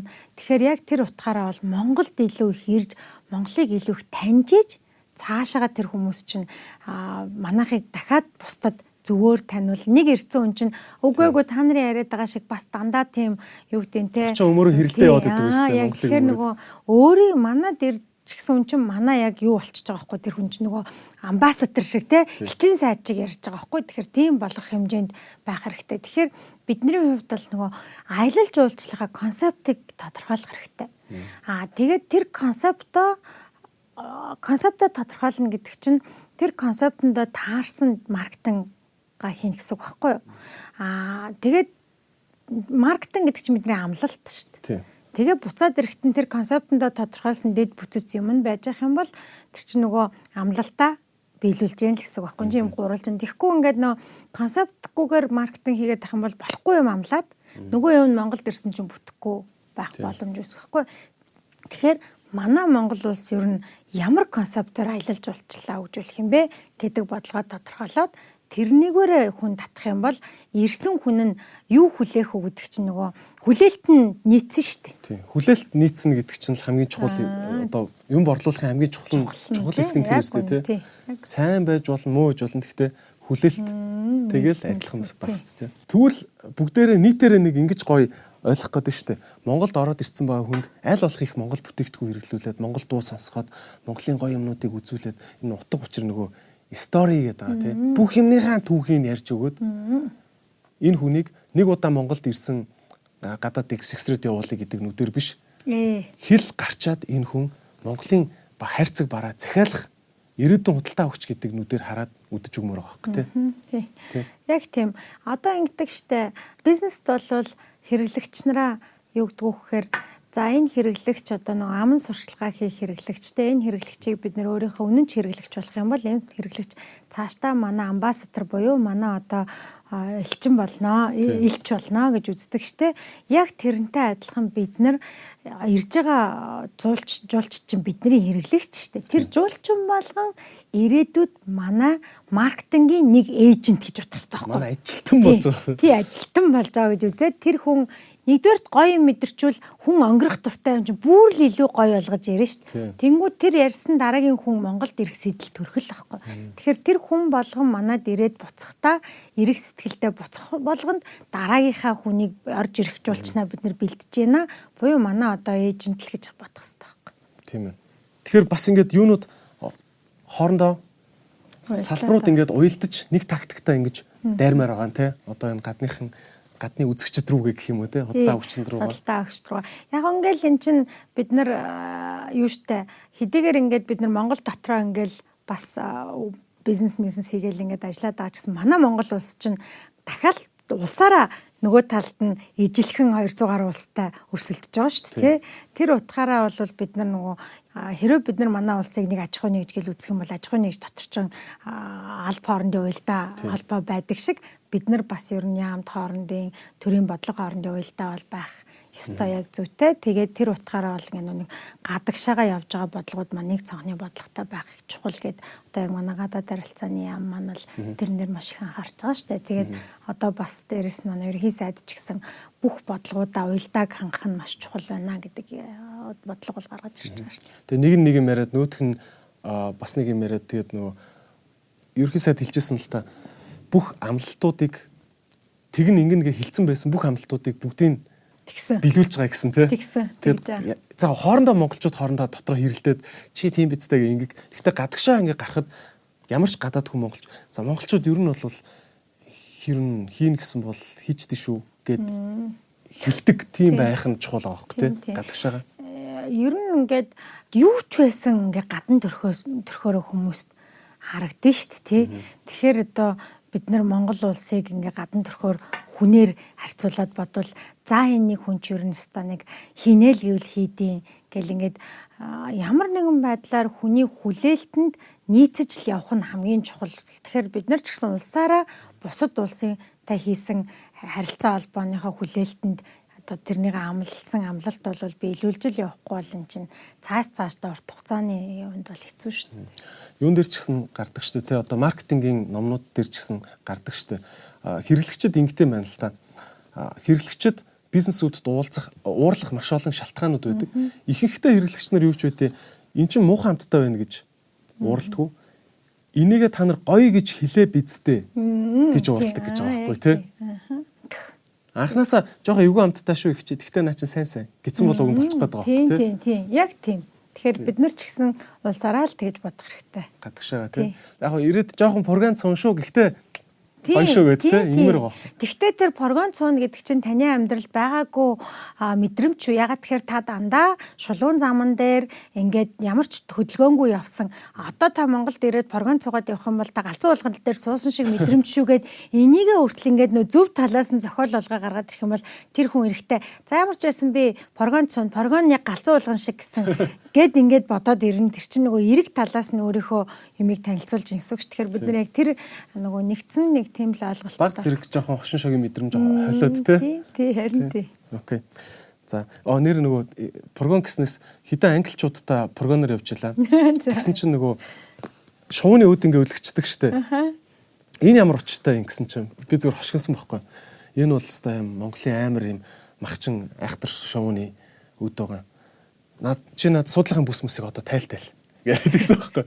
Тэнгүүт чинь тэр чинь те уусаа програм дотор ч хойно сууж байгаа суудлын бүс мөсгөө явж байгаа шүү дээ тий. Тэгэнгүүт тэр чинь нэг бодлын нөө гадныханд суудлын бүс яга зүүхгүй байгаа. Яг энэ машин дотор чинь бензин үнэртэй байгаа маа ингээд зочдсон байл шүү дээ тий. Бензин үнэртэй шүү дээ машинаас чинь. Тэнгүүт би зүгээрээ тэнд өд үлгцэн байгаа гэдэг хошигноод яг тэгс нэг яг улсын нэр хүндийг жоохон ч гэсэн бас жижиг авч гарсан шүү. За а окей. За одоо нэг ийм юм байна. Монголын соёлын бид бүхний өдөр тутмын амьдралд наалдах наалддгүй мөртлөө агуу чухал хэд хэдэн юм соёлууд байна. Жишээ нь одоо ном сувны ном урлах соёл. Би андуураагүй бол Монголд яг энэ нумыг энэ ясаар айгүй ингэж олон материал хольж хийдэм билээ шүү дээ. Ингэж нарийн уралдаг хүн баг 4 5 хүн байд юм уу та. Тий. Энэ соёлуудаа одоо яах вэ? Өдөр тутмын биш хийдэж. Өв соёлыг ярьж байна л да. Одоо бит бус өвийг одоо тээж байгаа хүн нь ингээ багасж байна гэдэг талаас нь хэлж байна те. Одоо бидний хувьд бол энэ бит бусыг тээж байгаа хүмүүс их цөөхөн болж байгаа энэ бол бас аюултай юм баггүй юу. Тэгэхээр эн чинь нэг тэгэхээр бидний хувьд энэ соёлыг хэрэглээнд оруулах тусмаа тэр чинь одоо хөгжин авч үлдэх нөхцөл нь үүснэ гэсэн байхгүй. Хэрэглээнд оруулж яана гэж бүх хүн ном сум харавдаг хүн болно гэж бол хэлж байгаа биш. Хэрэглээнд оруулна гэдэг чинь нэгдүгээр нөө нэг соёлын судалгааг хийх хэрэгтэй. А одоо чинь бид нар ямар ажил хийж гэнэ вэ гэхээр соёлын бит бус өвийг судлах үндэсний хэмжээний экспедиц хийж үүсгэн байгуулна гэдэг зорилт тавьж байгаа байхгүй энэ 22 онд. Тэр нь яаж ийм вэхээр одоо бид нар археолог палеонтологийн экспедицтэй шүү дээ үндэсний хэмжээний. Тэгэхээр тэр хүмүүс нөгөө тойрж аваад судлаад тэрэн дээрээс нь нөгөө номоо бичээл олдур олоод олдсон олдур нь музейд очиол ч юм уу ингээд бидний түүх түүхийг судлаад байна гэсэн. Гисэн мөртлөөсөө одоо нэг хүнээр дамждаг энэ бит бос өвөө бид нар тийм том хэмжээний судалгааны улсын хэмжээний экспедицгүй байгаа таахгүй. Тэгэхээр юм улсын хэмжээний экспедиц гаргаад судалгаа хийгээд тэг яаж хийдэм байх, энэ нь ингэдэм байх гэдэг ингээд судалгаанд оруулаад а судалгаа хийсэн юм чинь яаж нөхөр ингээд мэдлэг болно гэсэн үг байхгүй. Тэр мэдлэгийг бид нэр хэрэглээнд оруулах тусмаа одоо энэ хэрэглээгээрээ цаашаага соёлоо авч үлдэх боломж үүснэ гэж үзэж байгаа байхгүй. Нэг ёсондоо тэр нум сумыг ингэж ингэж хийд юм байна гэдэг юм судалгааны материал гаргаад тэрний ямар нэгэн байдлаар энэ контент хийдэг хүүхдүүд контент болгоод гаргаад ирэх юм бол энэ ингээд нөгөө байсан юм маань хэрэглээнд орж байна л гэсэн үг. Тэгэхээр ер нь бол одоо манай контент үйлдвэрлэдэг, соёлын бүтээлч үйлдвэрлэлээр байж байгаа хүмүүс судалгаан шинжилгээнд дээр тулгуурласан соёлын өвөө ашиглах тусмаа энэ хүмүүс бусдад онцгой контент бүтээлийг гаргаж ирнэ. Тэр нь цаашаага одоо модонд орно. Тэгэхээр чин танах бол одоо баг ингээд спортынхантайгаа бас хамт ажиллах хэрэгтэй болж шүү дээ тий. Дахиад одоо энэ дээр нэгдсэн нэг цонхны энтер гэдэг. Ер нь аль яг тий айгу ингээд өргөн цар хүрээтэй явах боломжтой юм байл. Тийм ээ. Тэгэхээр зүгээр бид нар бол нэг өв талаасаа одоо яг тийм судалгааны баг ус хийж бодож байгаа. Тэр экспедиз үүсчээж энэ устгах гад байгаа бит бус үүдийг бид нар маш сайн судлах хэрэгтэй. Юм судлагдана гэдэг чинь эхний суурин тавигдана л гэсэн үг байхгүй. Тийм ээ. За энэ их чухал ажил болж байгаа маань үр дүнгийн удахгүй амсч эхлэх байх гэж бодож байна те. А танаас одоо энэ хоёлоо соёлын сайд учраас те соёлын талаар маш их юм ярьчлаа. Гэхдээ би өөр сэдвүүдээр бас ярмаар байна. Гэхдээ танаас нэг яг энэ соёл тал дээр нэг дахиад ганц хоёрхан асуудал асуучих. Энэ жижиг бөгөөд чухал гэдэг юмнууд байдаг. Альва ер нь альва зүйлд те маш жижигхэн бөгөөд чухал зүйл. Таны харж байгаагаар яг энэ манай одоо монголчуудын соёл гэх үү одоо ив нэгдэл гэх үү те манай үндэсний хувьд жижигэн мөртлөө маш чухал зүйл нь юу байна? Аа. Соёлын асуудал ярихаар ерөөсөө нөгөө Мэдгүй бидний соёлын сайд болохоор ч тэр юм уу бүх асуудал жижиг биш бүгдээрээ том юм шиг мэдрэн штэ. Гэхдээ надад ерөөсөө яг хамгийн чухал юм юу гэхээр монгол хэлээрээ хүмүүс шинжлэх ухааны судалгаа шинжилгээ хийдэг байх гэж бодоод байгаа. Хизээ шинжлэх ухааных нь хилэн мөхн тэр үед ингээд бас нөгөө хил ингээд хилэнд нөлөөлөх боломж өсөж байгаа хгүй. А яадаг байсан бэ гэхээр ингээд англичууд айгу айхтар дээр үед ингээд ямар нэгэн орныг эзлэх болно шүү дээ. Тэ одоо тэр үедээ эхлээд антропологчтой төрүүлээд тэр улс руу явуулцдаг. Тэгээд тэрний яаж нөхөр тухайн улсын соёлыг судлаад айхтар. Тэгээд дээрэс нь нөгөө хэллийн сураад Тэгээд өөрийнх нь хэлээр ярьсан хүн одоо чи Монголд хурж ирээд ингээд Балтгаа байжсэн чинь эрэлтгэ чиний хүнтэй эрэлтгэ байжсэн чинь тэр хүн чамтай ярил монголоор ярил хадгач ингээд бариул чи тэр хүнийг хэрэлтгэ болол хадгаа тосч аваад айл болох хэвлэрх гээл үзэн дээ. Яг тэрэн шиг ингээд соёлын бүтэн судалж хагаад тэгээ соёлын судалгаан дээр тулгуурсан Тэрнийг яагаад би ярьж гэнэ үг гэхээр дараа нь колоничлохдоо юу хийдэг гэсэн бэхээр хамгийн түрүүнд өөрийнхөө хэлийг сургадаг. Тэгээ өөрийнхөө хэл дээр шинжлэх ухааныхын судалгааг нь хийлгдэг болгочихжсэн байхгүй юу? Одоо та нарын интекээс ихсүүлээд ингээд бод те. Тэгэхээр а тэгэхээр одоо бид нар а ер нь бол ингээ хүн бодоход аа бид нар монголоор ярьжлаа юм чад ингээд өдөр тутам яриа л шүү ямар ч асуудалгүй байгаа үстэй өнөөдөр бид тээр ярьж гин. Тийм хэл уусан хөгжиж явна. А гэхдээ хэлийг бүрэн бүтэн байлгадаг нэг юмны нэг хэсэг нь бол тухайн хэлээрээ судалгаа шинжилгээний ажлыг хийх байгаа байхгүй тэгэхээр тэрнийг хамгийн шин хамгийн супер мэдлэгийг мэдлэгийг мэдлэгийг хэлээрээ бичих нь чухал байгаа шүү дээ. Хэлээрээ бичих. Тэгжээч нь модны байгаа шүү. Модны байгаад нь хөгжөөд нь тухайн юутагаа одоо дамжаад явж гин гэсэн үг. Тэгэхээр тэр утгаараа энэ нөгөө нэг монгол хэл дээрх судалгаа шинжилгээг бол их сайн дэмжих хэрэгтэй гэж харж байгаа. Дахиад дэлхийгээс Монголыг судлах хэрэгтэй байгаа. Дэлхийн эрдэмтэд Монголыг судлах тусмаа тэр хүмүүс одоо Jack Weatherford гэдэг хүн бол манай Монгол улс бас гавьяатай хүн байхгүй? Тийм шүү дээ. Монголын талаар бичээд Тэр нь Нью-Йорк бестселлер болоод буй нэгт зарагдж байна гэдэг чинь манай Монголыг дэлхийд сурталчилж байна гэсэн үг байхгүй. А дэлхийн Монголыг судлах тусмаа тэр хүмүүс чинь нөгөө өөрийнхөө орны судлаач нар нь өөрийнхөө орныхын хэлээд өө энэ улсад манай тэрхтээ юм бэ шүү гэд ингээд бас өгөөд. Тэгэхээр Монголоо судлуулах бас их чухал байна. Тийм.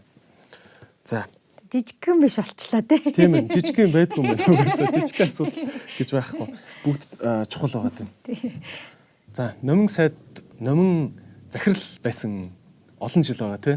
Аа Монгол HD телевизийг үүсгэн байгуулад ер нь бол Монгол HD телевизийн түүхийг нэг ингээд нэг 30 секундэд базаад хилээч нэгдэх нэгдэх нь. Хоёрт нь би бас энэ таны ажиллаж ах хугацаанда сурсан зүйлээс чинь суралцмаар байгаа байхгүй юу. Тэгэхээр та за тэрийг би задлаад асууя. Та ер нь телевизийн түүхийг нэг товч танилцуулж. Тэг яг хөө манай телевиз ч юм бол 2009 онд анх би болсон. Тэгээд би 11 онд ажиллаа авч ирсэн. Манай телевиз үүсгэсэн цагаасаа эхлээл Монголд ямар нэгэн байдлаар олон стандартыг бий болгоё гэж эхлээл HD форматыг бий болгож ирсэн. Тэгэл араас нь бид нар оюуны өмч ер нь бол Монголд хамгийн хүндрэлтэй мэн гэл оюуны өмчийг авч хэрэгжүүлэх хэрэгтэй мэн гэл оюуны өмчийг дээдэлдэг телевиз болъё гэл нөгөө одоо хуйлаа дээдэлж үзэгчтэй хүндлэн гэдэг уриатаагаар яваал Тэрнийхээ дараа ерөөсөө бүгдээрээ ганцаараа хөгжихгүй мэн салбраараа хөгжих хэрэгтэй мэн гэл телевизийн чуулганыг зохион байгуулаад тэгэл цаашлал за одоо ерөөсөө дотоод контент хийх хэрэгтэй маань. Гэхдээ одоо дэлхийд гарахын тулд өөрсдөө суралцах хэрэгтэй маань. Тэгэхээр гадны форматуудыг оруулж ирж Монгол агуулгатай болгох юм ингээл ингээл ийм замналаар яваал. Тэгээд одоо яг жилийн өмнө бол нөгөө оюуныг тэтгэж жаргал бэлэглэнэ гэдэг ураатай болол ингээд явж байгаа. Тэгээд яг манай одоо телевизийн хувьд бол нэг манай гацуурт компани хувьд нэг юм нийгмийн хариуцлагынхаа хүрээнд хийдэг төсөл байдлаар анх үүсчихсэн. Тэгэл тэр нь үргэлжлэл өөрөө өөртөө доктортой бизнес хийгээд явдаг тийм бизнес болсон.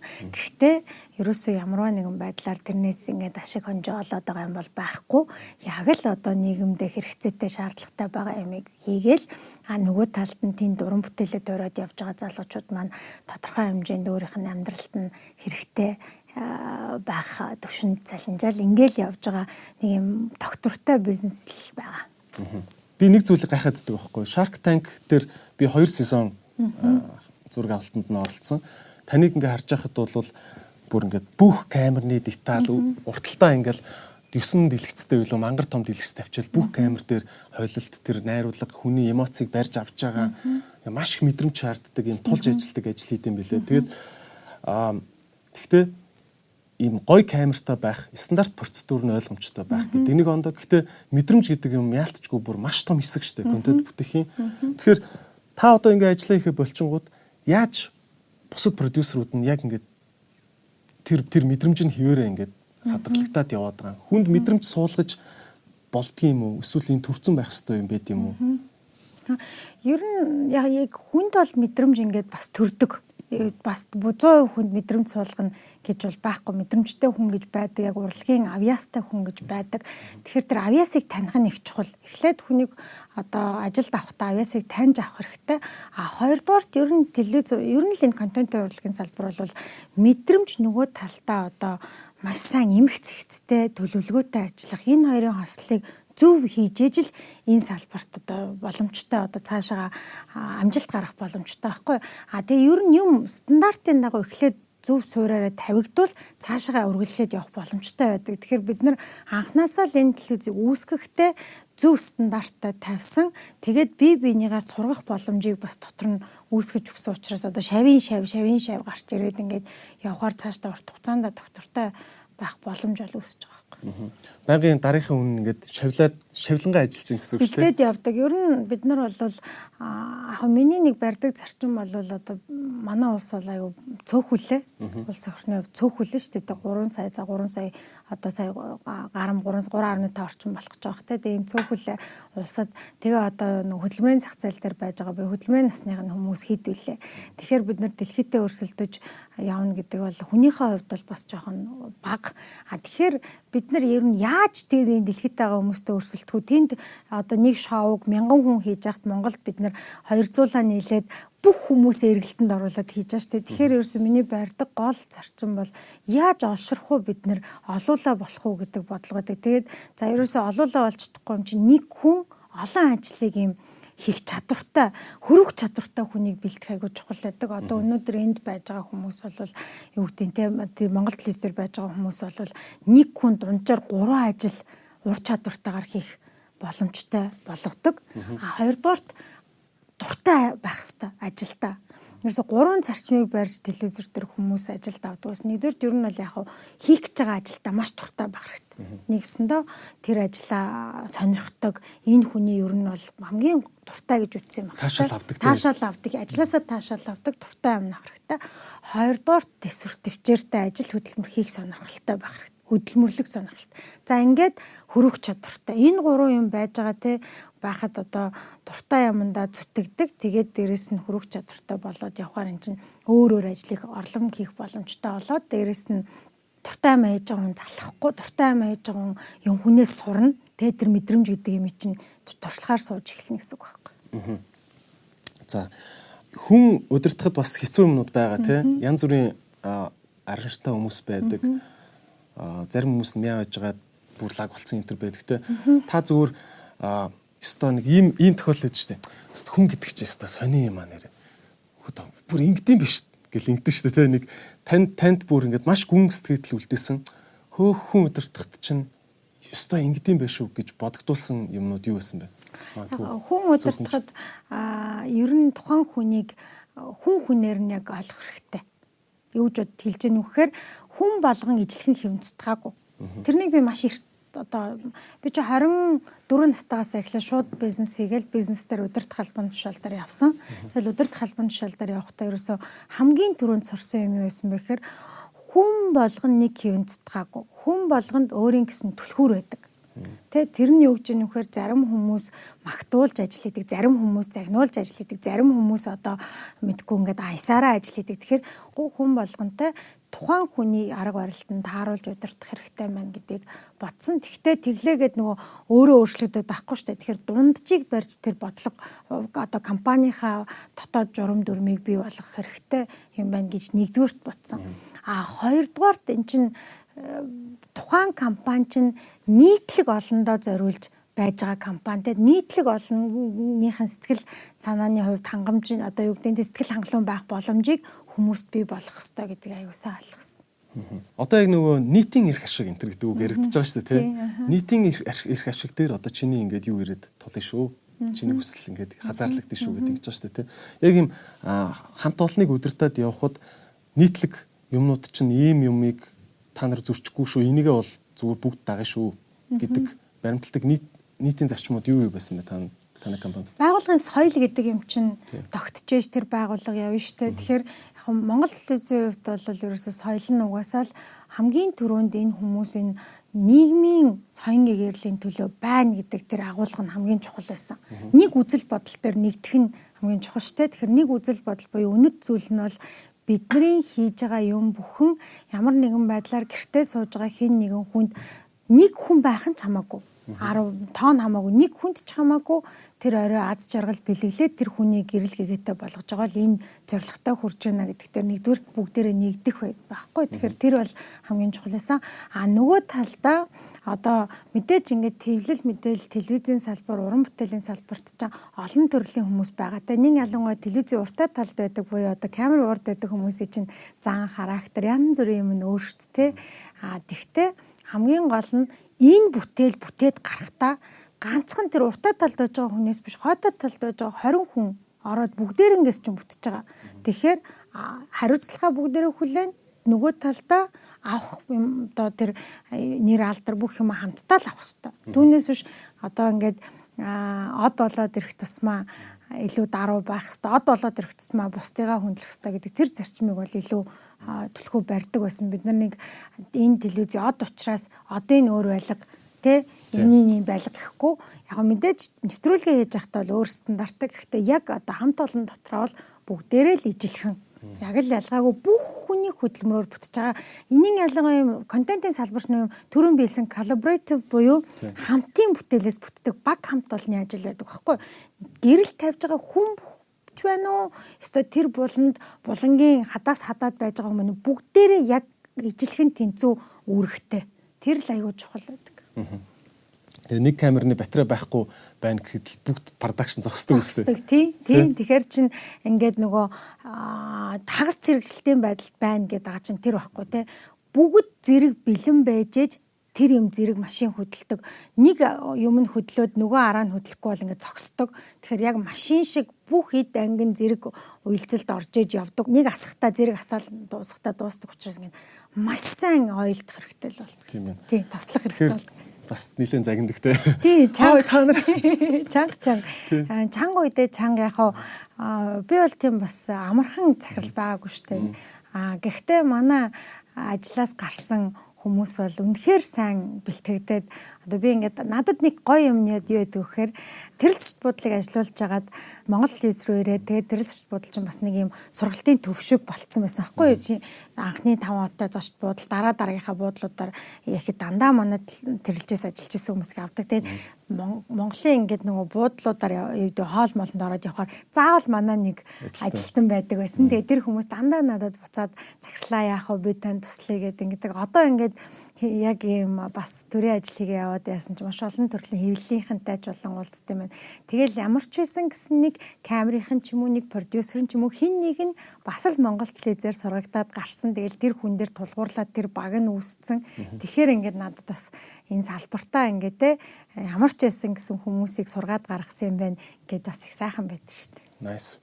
Одоо тэр бол яалтчгүй үнэнэлтэй. Тэгээд захын ямар л студ дээр нэг залуу байна. Тэгэл хуучин Монгол ичтэд байж байгаа. Тэгэл ингээл эхлэх шүү дээ яриа нугасаа. Тэ. А одоо залуу хүмүүсийн авиасыг эрт олж харна гэдэг чинь бас маш том юу шүү дээ, тэ? Чадвар шүү дээ, тэ? Энэ дээр одоо ямар арга техник байна? Яаж та хүнийг сордیں۔ Яаж энэ хүн дотор өөр юу байна гэдгийг яаж ухаж гаргаж иртээ? Би ажилд авч байгаа бүх хүнээ өөрөө ярьслаханд оролт гэсэн их баг гэхгүй бүгдийг нь оруулдаг байсан. Тэгээд аль болох тэр хүнийхээ өөрөө юунд дуртайг нь олж мэдэх гэж хичээдэг байсан. Тэгэл ерөөсө дуртай юм л олчих юм бол тэр хүнд цаашаа байх юм. Тэгээд тэр хүнтэй ярилцах тусам чинь тэр хүн ингээд яриад биний ярилцлага анхсан 30 минут хийдэг гэсэн өөрөө. Тэгээ хүнээ таньдаг байсан. Дараа нь тэр хүнээ ажилуулж байхдаа за энэ хүүхд ийм юмн дээр дуртай байсан учраас энэ чиглэл рүү шилжүүлээ гэд ингээд хүний нөөцийнхөө бодлоготой их уйдаг байсан тухайн хүнийхээ дур сонирхолд.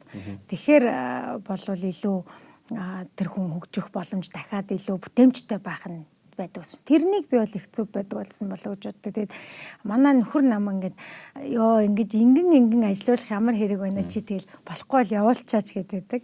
Би болохоор ингээд айгүй их нөөтөө хүнтэйгээ ажилдаг болохгүй байсан ч гэсэн чи тэгээд засаа дээр ингээд Excel хийгээд ирсэн чи за чи энийгээ ингээд засаа дээр инги гэдэг ингээд юм жоохон гайд хийдэгч байдлаар ажилдаг байсан. Тэгэхээр тэр тэр их зүгээр тэнгууд хүнээ илүү сайн танина.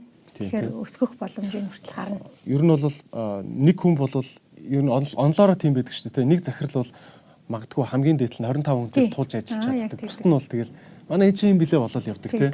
Тийм. Тэгэд яг бүр ингээ 200 ажилтнтай бүгднтэй ярьдаг үснэ. Яг хоо эхлээд бол нэг ярилцлаганд оруулахдаа л тэгж оруулж байгаа шүү дээ. Тэрнээс хойш бол яг бас нөгөө маркетинг системээр л ажиллана шүү дээ. Бүгдээр нь тань тулж ажиллагаа. Гэхдээ нөгөө продакшн хийн гэдэг чинь аюу сони юм. Бүгдээрээ тэр түрүүн хэлсэн шүү дээ. 100гуулаа нэг юмны төлөө ажиллаад 100гуулаа ингээд нөгөө эхлэл төгсгөл нь зэрэг явна гэдэг чинь тулах нөхцлүүд үүсдэг. Тэгээд өглөө оройны хурлыг бол тогтмол продакшн дээр хийдэг. Тэгэхээр тэр хүмүүстэйгээ ер нь тулдаг байсан. Гэхдээ яг үүрэг даалгаврын хувьд бол мэдээж тэр чинь өөрийн гэсэн хариуц нь дарга зэрэгтэй. Учираас тэргээрээ явдаг гэсэн.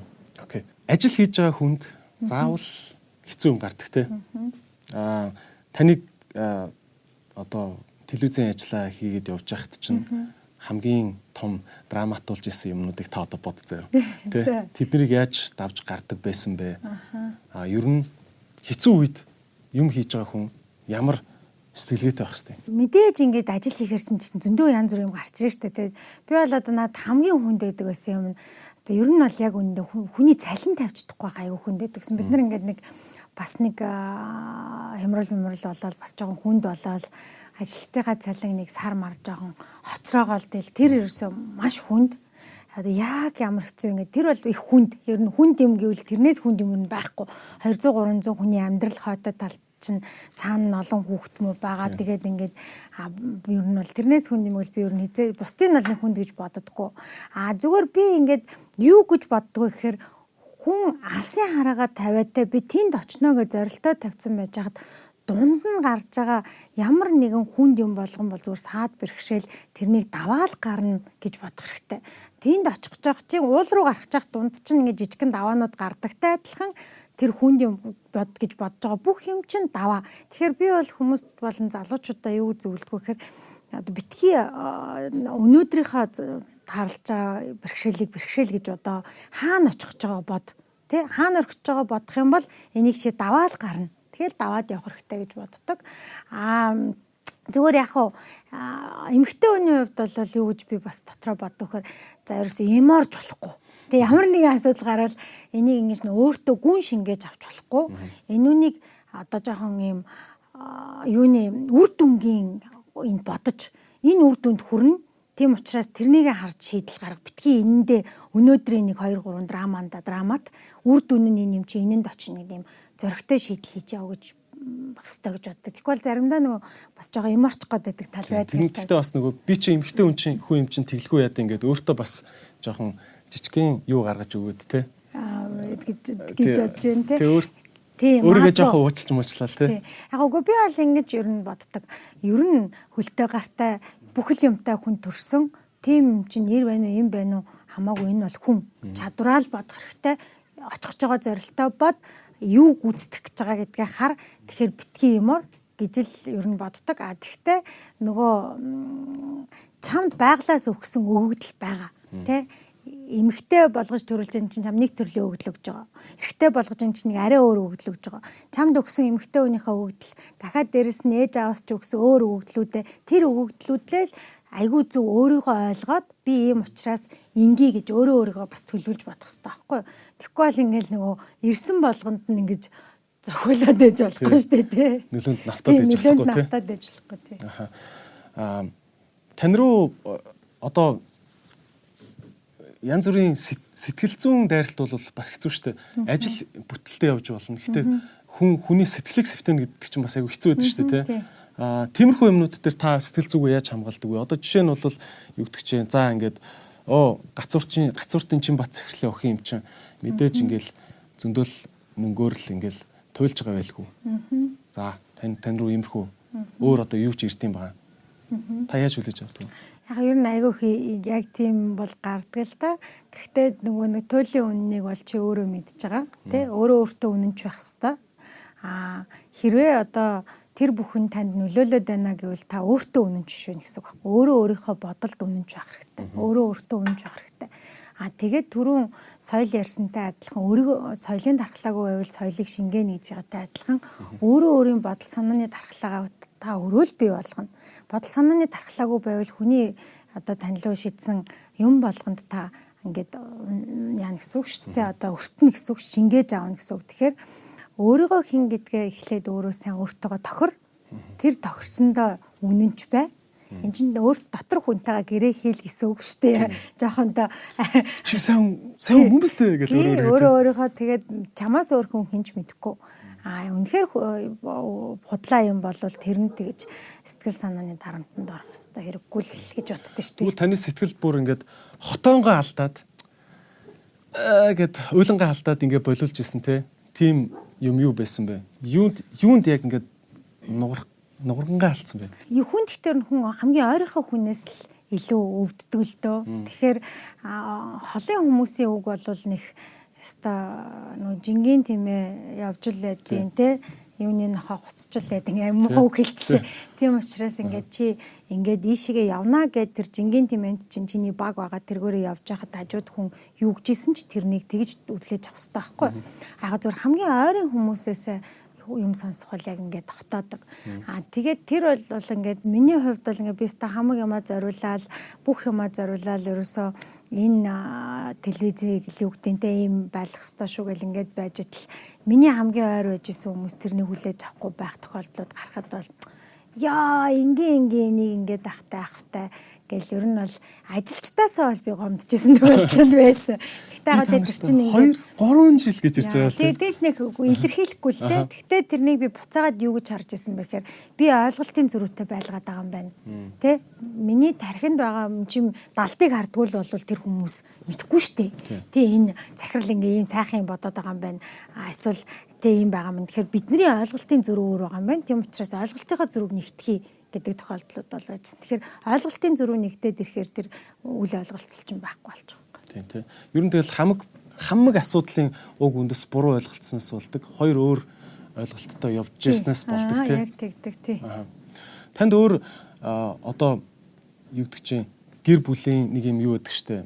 Зарчмууд байдаг штэ тийм. Гэхдээ олон зарчим байдаг штэ. Аав ээж өвчнөө сургаал айлддаг тийм. Гэхдээ танд бүр ингээ хамгийн яг классик утгаараа байн хэрэг болдог нэг ганц хоёрхон захиас ч юм уу байгаа штэ тийм. Тэд нар нь юу вэ? аав бол юм сонио амар хөдөлмөрч хүмүүс байхгүй юу. Үнэхээр манай ингээд аавын талынхаа нэг нэг үе удам дамжсан хөдөлмөрч хүмүүс гэж байдаг. Манай өвөө мүү юм айхтар хөдөлмөрч хүмүүстэй. Манай аавын аав аавын манай аав ч 15 хүүхэдтэй айлын. Дээрээсээ 5 дахь хүүхэдтэй. Тэгээд ерөөс намаа ингээд хүүхэд байхаас ихсүүлэл чи хүнээс юм шаардлагач байгаа бол өөрөө яг наадхаа тэр хүн шиг хийж чаддаг л байх хэрэгтэй.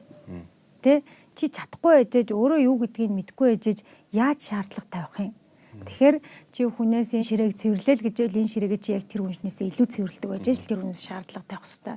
Тэгэхээр чи тэр хүнээс 3 дахин илүү хөдөлмөрч байх хэвээр чи гэдэг тэр яг хилдэг. Тэр бол яг миний хувьд хамгийн их хэрэгтэй зүйл байдаг. Яа тэрний нөгөө агуулгаараа юу гэхээр би хин нэг хүнээс ямар нэгэн юм шаардах байгаа бол тэрнийгээ би яг яаж хийх үү гэдгээ урьдчилаад нүдэндээ хараад яг ийм байж иж болдсон байх гэдгийг судалсан байж байгаа тэрнийгээ шаарддаг. Тэгэхээр тэр бол яг миний амьдралд хамгийн хэрэг болж байгаа юм. Аа нөгөөх нь бол манай ээж ин одоо яг гэр бүлийн хүмүүжил манай ээж юусоо яаж ч байсан хүнтэй сайхан харьцах хэрэгтэй. Хүнийг дандаа хайрлах хэрэгтэй дотроо гэж хэлдэг. Тэгээ тэр бол миний амьдралд их бас хэрэг болдог. Ингээд заа заа ашиг нүний станаараа баг муудалцчий гэжсэн тэгсэн тэр хүний оронд өөрийгөө тавьж үчээд за за энэ хүний хувьд ч гэсэн юм байгаа болоо. Тэгэхээр муухан аашилж исэн ч би дотроо дандаа тэр хүнийг хайрлаж муухан аашилдаг. Тэгэхээр тэр хүмүүжил хоёр бол надад их хэрэгтэй байсан. Тэгжээч бас өөрийгөө сэтгэлээ чөлөөлж шүү дээ. Тэгээд нэг хин нэгэнттэй дургу ингээ яваад амаргүй шүү дээ. Тийм. Тийм яг тийм. Хэрвээ тэр хүнийг талаас нь тэр хүнийг хайрлаж бодоод тэгээд аашлаад ингээд дуусах юм бол чи аашлаад ч юм уу тэр хүнтэй уулзраа олоод дуусах юм бол тэр ингээд тэр чинь хаалга нь хаагдсан шүү дээ. Тэгээд тэгэхгүй ингээд дандаа юм онгорхоо яагаад тах юм бол тэргээр ингээд бас хий ороод байна гэсэн үг шүү. Тийм тийм. Одоо бизнес гэд юм ярихаар бизнес ярихаар дандаа хамтрал яригддаг, ёс зүй яригддаг. Аа нэг юм бичгтэйгүй ёс зүйнүүд байдаг шүү дээ тий. Ялангуяа одоо нөгөө бизнес нь өндөр хөгжсөн маш олон жил бизнес хийгээд үдцсэн орнуудад хүн болгон ингээд шууд л ойлголцдог юм зарчмууд байдаг шүү дээ. Гэхдээ манай нийгэмдэр зарим нэг зарчим нь ингээд яагаад чи ингээд алдагдсан юм байдаг юм шиг санагдаад байгаа байхгүй тий. Одоо юу гэдэг хөрөнгө оруулагч гэдэг нь бол чиний дарга гэсэн үг биш ээ. Чиний хийж байгаа юм чинь таалагдж байна. Ашиг олвол би дэмжиж өгснөхийн төлөө хувнаас нь авалцъя л гэдэг нэг төвшнийх. А маа Монголд яг чи хөрөнгө оруулагч гингүүтэл чиний жоохон дээр үүдэг. Арай илүү мөнгөтэй ах нь юм шигч санагдтыг мөн нэг юм бизнесийн ойлголтын жоохон зөрүүнүүд байгаад идэв штэ. Таны хувьд а ямар ойлголтуудыг хамгийн их одоо номлож явдггүй тий бизнес гэдэг чинь ингэт юм аа гэж энэ бол ерөөсөө би өөрөө ч одоо ээж аваасаа сурсан өмнөх бизнесүүдээрээ сурсан. Ерөөсөө ерөөсөө л бизнес хийж байгаа бол харилцаа ашигтай байх хэрэгтэй. Харилцаа ашигтай байх хэрэгтэй буюу чийч тэрнээс ашигтай гарах хэрэгтэй би ч ашигтай гарах хэрэгтэй түүнээс биш одоо ингээд Тэгэд энэ бол Харвардд бас заадаг хичээл. Юу гэхээр нөгөө нэг нийлбэрээрээ алдагдaltaй гарах юм бол энэ бол нөгөө ашигтай бизнес биш байхгүй. Энэ чинь нийтдээ нийлээд бид нэр нийгэмдээ сөрөг нөлөө үзүүлж байгаа байхгүй. Чамаас би чиний хийсэн бүтээгдэхүүн чинь 5 төгрөгөөр зардалтай байгаад чи 6 төгрөгөөр зарыг гэдээ тахт нь би үгүй би чамаас авбал 3 төгрөгөөр л аавна гэдээвэл чи хасах 2 төгрөгийн алдагдaltaй болчихж байгаа шүү дээ. Тэг хэдийгээр би нөгөө талдаа 3 төгрөг нөгөө ашигтай байгаа ч гэсэн битэрийн нийлбэрээрээ хасах 2 төгрөгийн алдагдaltaй болох юм бол энэ ингээд харилцаа ашигтай биш. Тэгэхээр энэ бол ерөөсөй байж болохгүй. Бизнес хийж байгаа хүмүүс бол дандаа нөгөө хүндээ ер нь нэрээ ашигтай байгаа юм болов урт хугацаанд энэ хүнтэй чинь би бизнес хийнэ гэж харилцаа ашигтай байх гэж байна.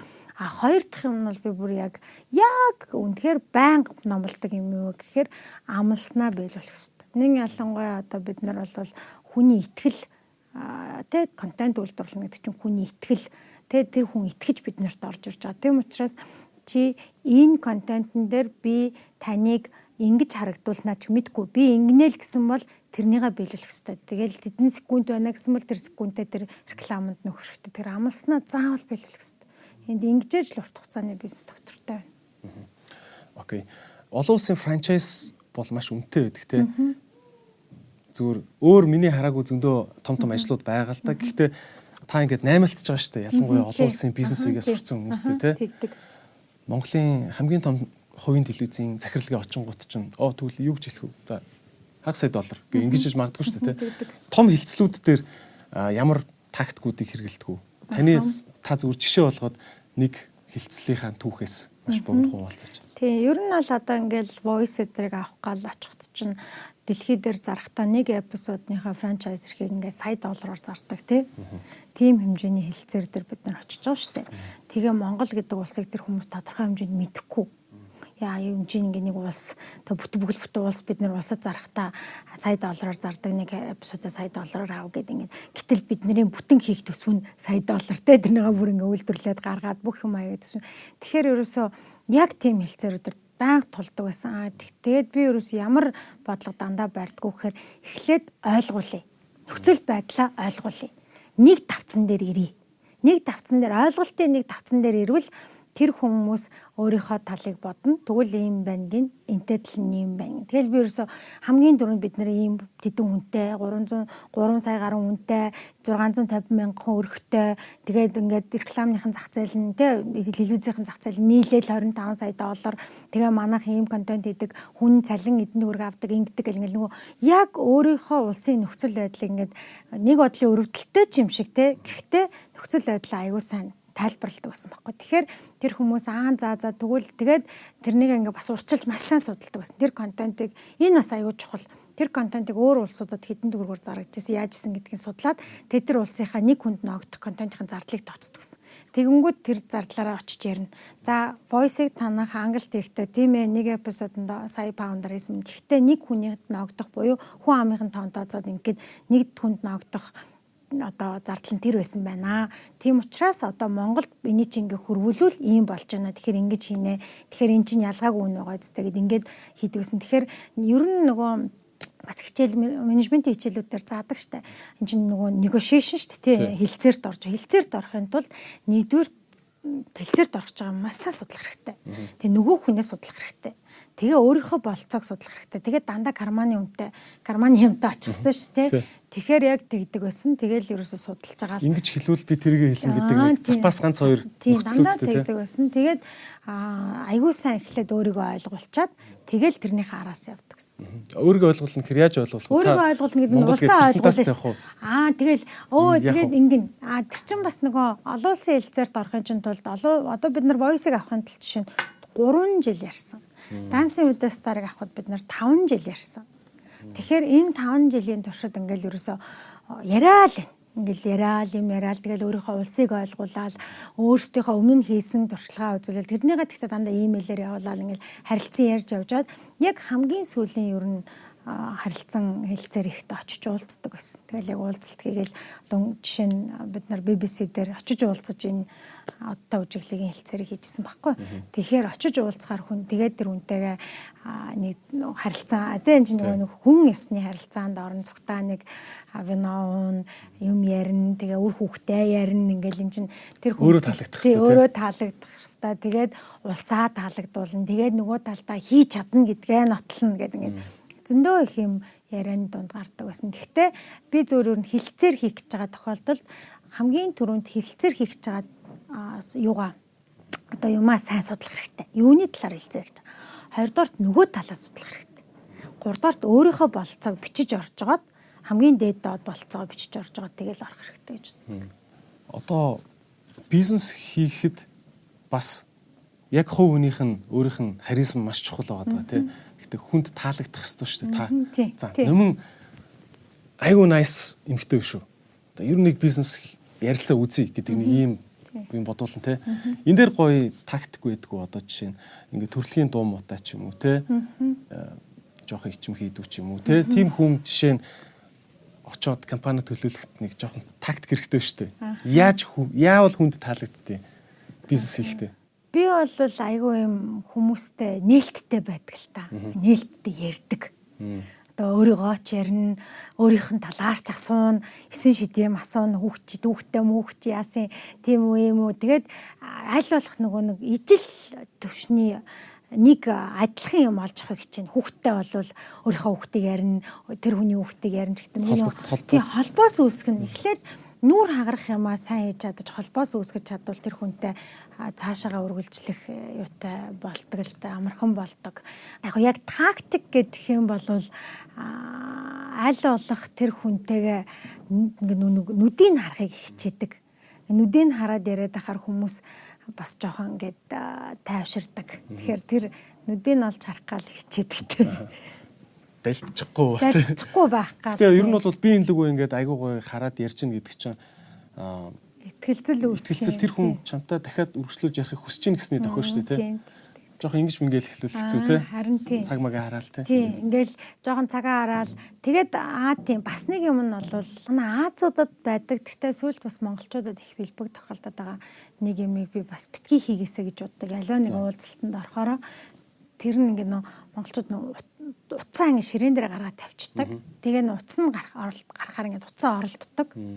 Тэгээд тэгэнгүүт тэр чинь нэгдүгээрт бол бас чамтай хүн цагаа зараад заваа гаргаад энэ уулзалтыг хийх гэ байж ах тэр нэгдүгээр тэр чинь хүндэтгэлгүй.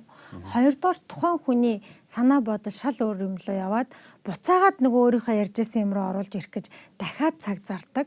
Тэгэхээр аль болох нөгөө яг тэр уулзалтанда өөрөө маш анхааралтай оролцоод богинохон уулзалт байна уу урт байна хамаагүй тэрэндээ л аягүй сайн анхааралтай оролцоод уцаа оролдохгүй байх бол аягүй чухал уцаа ер нь ил гаргаж тавихгүй байх бол аягүй чухал санагддаг. Тийм тий. Одоо тэгэл бас э, бүр улс улсын уулзалт муулцсан дээр чи уцаа оролцсон тийм зургууд яваал идэг шүү дээ. Тийм тэр бол жоохон дэмий санагддаг. За ингээд компани удирдлаа тий одоо ингээд э, улсын ажил хийж байна тий сайдын ажил. Тэгэхээр та хэлсэн шүү дээ хүн ингээд алсын зорилгоотой би яг яах гээд байгаа гэдгийг бодсон бахад замд таарлаж байгаа юмнуудыг давдгаа зүгээр л даваалаа өнгөрдөг гэж хэлж байна. Тэгвэл та яг ямар зорилгоор одоо жишээ нь одоо амьдрал залуу насны зорилго гэхүү те таны хамгийн одоогоор харж байгаа хувийн чинь хамгийн холын зорилго юу вэ? Ер нь хүн энэ ертөнцийн дээр яагаад би ирсэн бэ гэдгээ өөрөөсөө асуух хэрэгтэй. Аа хэрхэн амьдрах гэж гэж бас байна хэрхэн амьдрах уу гэдэг чинь би гурван хүүхэдтэй болно, нөхөртэй болно, тэ одоо юу гэдэг машин унана, хоёр өрөө байртай болно, юу гэдэг тэ тэр дарга болно, энэ болно гэд энэ бол ингээд нөгөө хэрхэн амьдрах уу нөхгүй. А яагаад ирсэн бэ гэдгийг аюу сайн бодох хэрэгтэй байхгүй. А тэгэхээр би бол ингээд тэрнийг аюу их боддог байхгүй. За би ингээд гурван хүүхэд алах нь ингээд ингээд явах юм гэдгээ хэрхэн юм бэ? Би яагаад энд ирсэн гэд ингээд өөрөө өөртөө бас их бодсон л та. Тэгээ би ингээд хийжсэн ажлуудаач бодоод өөрөө юунаас таашаал авж байгаагаа үзээд ингэсэн би ерөөсөө л энэ ертөнцийн ямар нэгэн байдлаар энэ Монгол гэдэг улсад ирээл энд нэг юм соён гэгэрлийн салбарт ажиллаад нэг хүн байна уу 10 хүн байна уу 20 хүн байна уу хамаагүй тэр хүмүүст ингээд аз жаргалыг гэртэн түгэх гэж л ирсэн юм байна. Гэдэг би өөрийгөө агуулгыг ойлгосон байхгүй. Би номин гэдэг хүн энэ ертөнцийн байхдаа ийм үүрэгтэй л юм байна. Миний үүрэг ийм юм байна гэд. Тэгэхээр тэрнийгээ бодцохоор за тэгвэл би ингэх гэж байгаа юм. За тэгвэл хэрхэн гэдэгтээ энэ хугацаанд би сайхан амьдрах үйлдэлүүдэд тооцсонсон шүү дээ. Тэгэхээр за би ийм юм байна гэд бодцсон учраас ингээд хийгээд явж исэн үйлдэлүүд маань тэр юм тэр шугамн дээрээ л яваад байна гэсэн үг шүү дээ.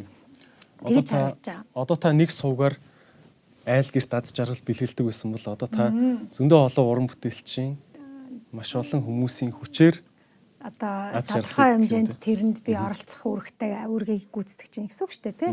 Тэгэхээр тэгж харж байгаа. Тэгэхээр тэр бол одоо миний бүр өвдөнтэй тэр эрхэм зориг мэдээ өвдөн тэр юм баггүй. Энэ ертөнцид би болсон хүн болсон юм зориг гэж харж байгаа.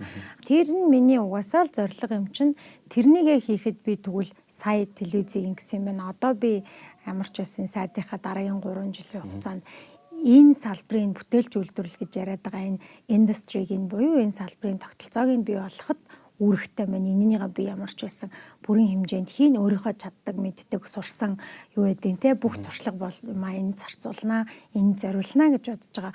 А тэгээ би дахиад 10 жилийн дараа яг энэ замнал дээр л байна гэж харж байгаа. Ер нь бол. Окей. Хувийн аз жаргалын талаар ялангуяа эмгтэй хүн гэхээр одоо юу гэдэг чи маа Монголын дуунуудад нэг юм шүү дээ. Бүсгүй хүний заяа, эмгтэй хүний заяа төврөг энэ төр гэл нэг юм бас нэг юм хүүсийн ялгаа яалтчгүй байн байдаг юм шиг л мэдрэгдэт юм л да тий. Тэ хүүсээр ялгуулсан бид нар болчихгүй дээ тий. Бас айгүй болгоомжтой байхгүй бол тэгтээ та зүгээр бас эмгтэй хүний гэхийн хувьд аз жаргал хаана байдгүй тий миний бодлоор маш олон хүмүүс бас энэ аз жаргалаа олох дээр төрөлддөг юм шиг санагдаад байгаа юм л да. Магадгүй та хоёлоо зүгээр бодъё л та. За таны нэг үеэлд үчин нэг 20 тавтай охин амар хөөрхөн охин мөртлөөл нэг юм аз жаргалгүй харагдаад ивэл та ихчийн хувьд тэр хүнээс юу асуух вэ?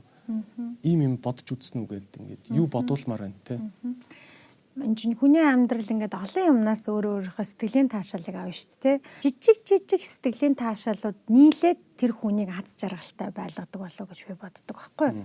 Тэгэхээр одоо бүх юм өв тэгш байна гэж байхгүй. А мэдээж гэр бүл дээр асуудалтай үе байна, ажил дээр асуудалтай үе байна, найз нөхдөөр асуудалтай үе байна. Бүх юм өв тэгш байхгүй. Жижиг жижиг сэтгэлийн таашаалаас аз жаргал олдог болов уу гэж би бол боддتي. Тэгэхээр нэг ингээд баланс тэр чинь юу гэдэг 80 20 морь гэл юм баланс байх хэрэгтэй шүү дээ. Тэгэхээр нөгөө юм бас болохгүй байгаа юмнаас болоод хит өвдөг шаналдаг бас тэр чинь хүнээсээ шалтгаална л өвдөж шаналдаг хүмүүс ингээд нийтээрээ бүх юм болохгүй байгаа юм шиг бас мэдрэмж төрөх үе бол байдаг бах. А гэхдээ ер нь бол нэгдүгээрт би зүгээр дүүнер одоо яг эмхтэй хүн ингээд асуудалтай хам бол за чи яг юу хиймээр байна? Чи яг яамаар байна? Чиний хүсэл чинь юу байна?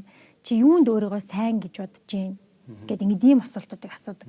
Нэгдүгээр болохоор зарим тохиолдолд хүн өөрөө өөрийнхөө юу хүсэж байгааг таниагүй байж шүү дээ таниагүй байгаа хүнээс асуугаад ч хэрэггүй. Гэхдээ тэр хүнээс чи юу өөрийгөө юг сайн чаддаг гэж бодож байна гэж асуул тэр хүн би энийг болов гэд а хүн чаддаг юмаа жоохон ч гэсэн сайн хийгээд тэрнээсээ таашаал авбал эн чи ингээл бас нэг хэмжээний сэтгэлийн таашаал ахгүй. Тэгэхээр би бол нөгөө өөрийгөө ойлгоцсон хүнээс нь бол за чи юу хүсэж байна? А өөрийгөө арай ойлгождаг байгаа хүмүүс бол за юу хийвэл чи өөрийгөө илүү сайн чадна гэж бодож байна гэдэг. Тэгэхээр тэр хүн бол нөгөө урмаар л юм чинь илүү сайн хийх тусмаа өөрөө зориг ороод илүү сайн тэрнээсээ таашаал авах тусмаа одоо нөгөө аз жаргалынх нь савн ингээл нэмэгдээл дүүрэл явдаг болоо гэж боддог. Тэгэхээр өөртөө ихтэй байх айгуу чухал. Тэр өөртөө ихтэй болгох замналыг бий болгож хэрэгтэй болоо гэж боддог. Тэгэхээр хүн өөртөө ихтэй болно гэдэг чинь жижиг жижиг ялалт байхгүй юу? Тэр жижиг жижиг ялалтыг бий болгох нөхцөлийг л үүсгэх хэрэгтэй. Тийм ээ. Өөртөө жижиг жижиг ялтыг бий болгох бий болгох гэж шүү дээ тийм. аа. Тэгээд тэрнийгээ тэмдэглэх хэрэгтэй тийм өнөөдөр чи ер нь бол орноосоо босч ийн гэдэг чинь хүртэл нэг юм ялаад босч байгаа шүү дээ нойр тий. Тэгэхээр тэр болгоныгоо өөрөө өөртөө бүлээн зөвшөөрч итгэх хэрэгтэй. Тэгээд өөрийгөө маш сайн таних хэрэгтэй залуу эмэгтэй хүмүүс бол би юунд сайн юм? Би одоо яг хин юм? Тэ? А бүр ингээд хэцүү байвал ядчил ямар гутал өмсүүл чамд ингээл тийм хүний амьдралч өдөр тутам шийдвэр гаргаж байгаа шүү дээ. Тэгэхээр өөрийгөө жоохон таниад эхлүүл тэр нь амархан болоод эхлэх бол.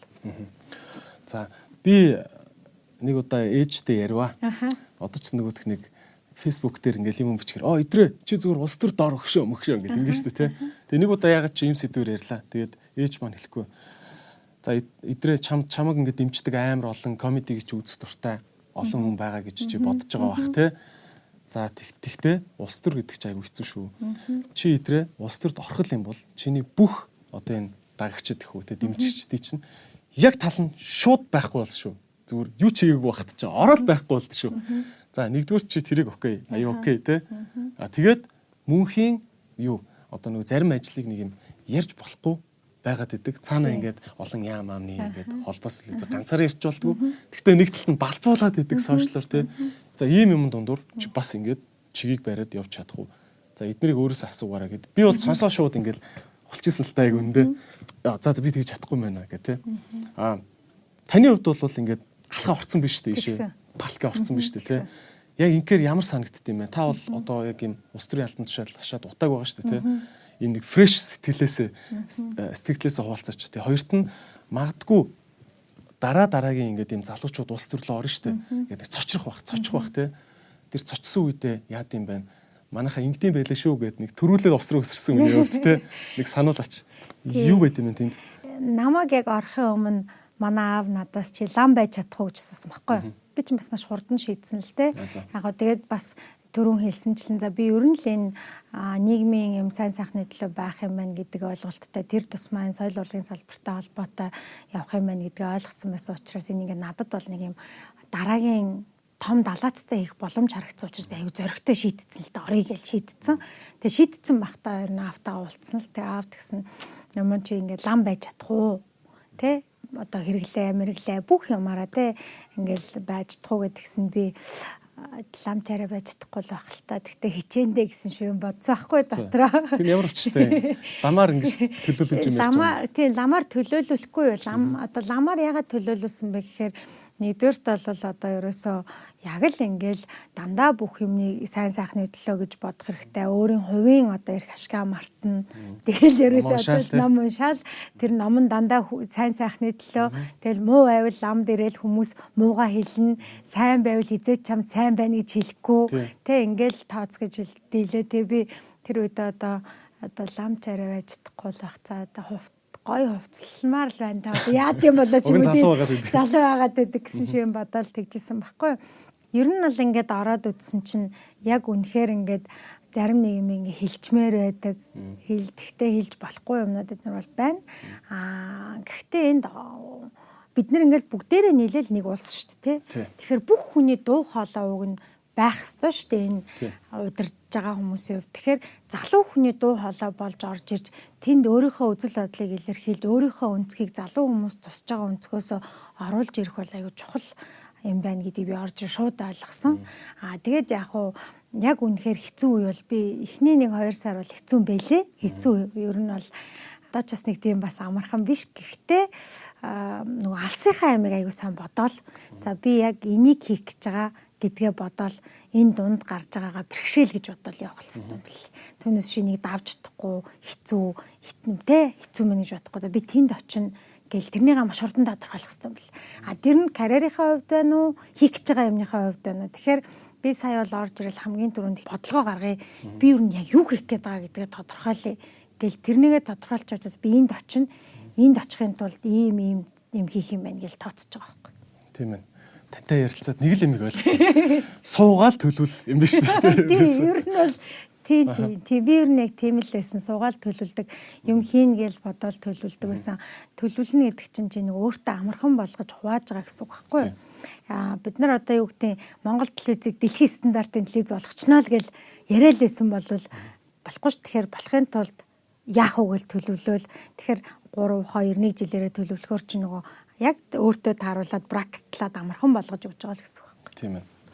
За а таныг маш олон эмгтээчүүд ялангуяа залуу эмгтээчүүд бол ингээ үлгэр дуурайл гэж хардаг байгаа. Тэгээд миний ийм үеэл дүүгийн асуулт гэдэг байхгүй. За дүү ч орж ирлээ зөө. Хоёлаа ийм олон нийт бодцохоор миний миний бодлоор заримдаа зарим хариулт хэтэрхий ерхий болдог. За танаа за зүгээр 17 настай эмгтээ дүү орж ирлээ. Анаа би яах вэ гэд хүсэл сонирхол нэг юугаач мэдэхгүй байгаа тий. За ээж нь ч гэсэн яаж харцахыг мэдэхгүй байгаа. Тэ? За 17 тоо эмэгтэй хүүхдэд нэгдүгürt яг одоо тэр нэг өөртөө ихтэй байх, дотроо хүчрэг байх, тий өөрийгөө хүлэн зөвшөөрүүлж чаддаг байх энэ тал дээр магтгүй зүгээр л ихчийн топ 3 зөвлөгөө. Аа нөгөө талд нь болохоор яг энэ өстой нөгөө ирээдүйд мэрэгжил сонгохыг прагматик ажил амьдралын юм дээр. За ийм ийм ийм имийг л зүгээр чи яадаг ч гэсэн сурчгаа зүгээр ийшээ ингэчих гэдэг яг юм бэлэн акшн гурван акшн өгөөч. Хамгийн сүүлч асуултаас эхлэе. Аа ер нь бол хүний амьдралд хэрэгтэй гурван ер нь гурван юм сурах гэж штт юу сурах вэ гэж штт. Нэгдүгürt би бол энэ хөгжингүй ертөнцид гээд байгаа буюу одоо энэ суурьшмал соёлтой гэж яригадаад байгаа энэ ертөнцийн хэлийг сурах хэрэгтэй. Англи хэлийг сурах хэрэгтэй. Заавал одоо би танаа хипо хипокарц аппликейшнийг яг одоо даунлоод хийж аваад яг сурах хэрэгтэй. Аа хэл сурна гэж чинь тухайн улсын соёлыг хурдан сурах боломж болж байгаа гэсэн.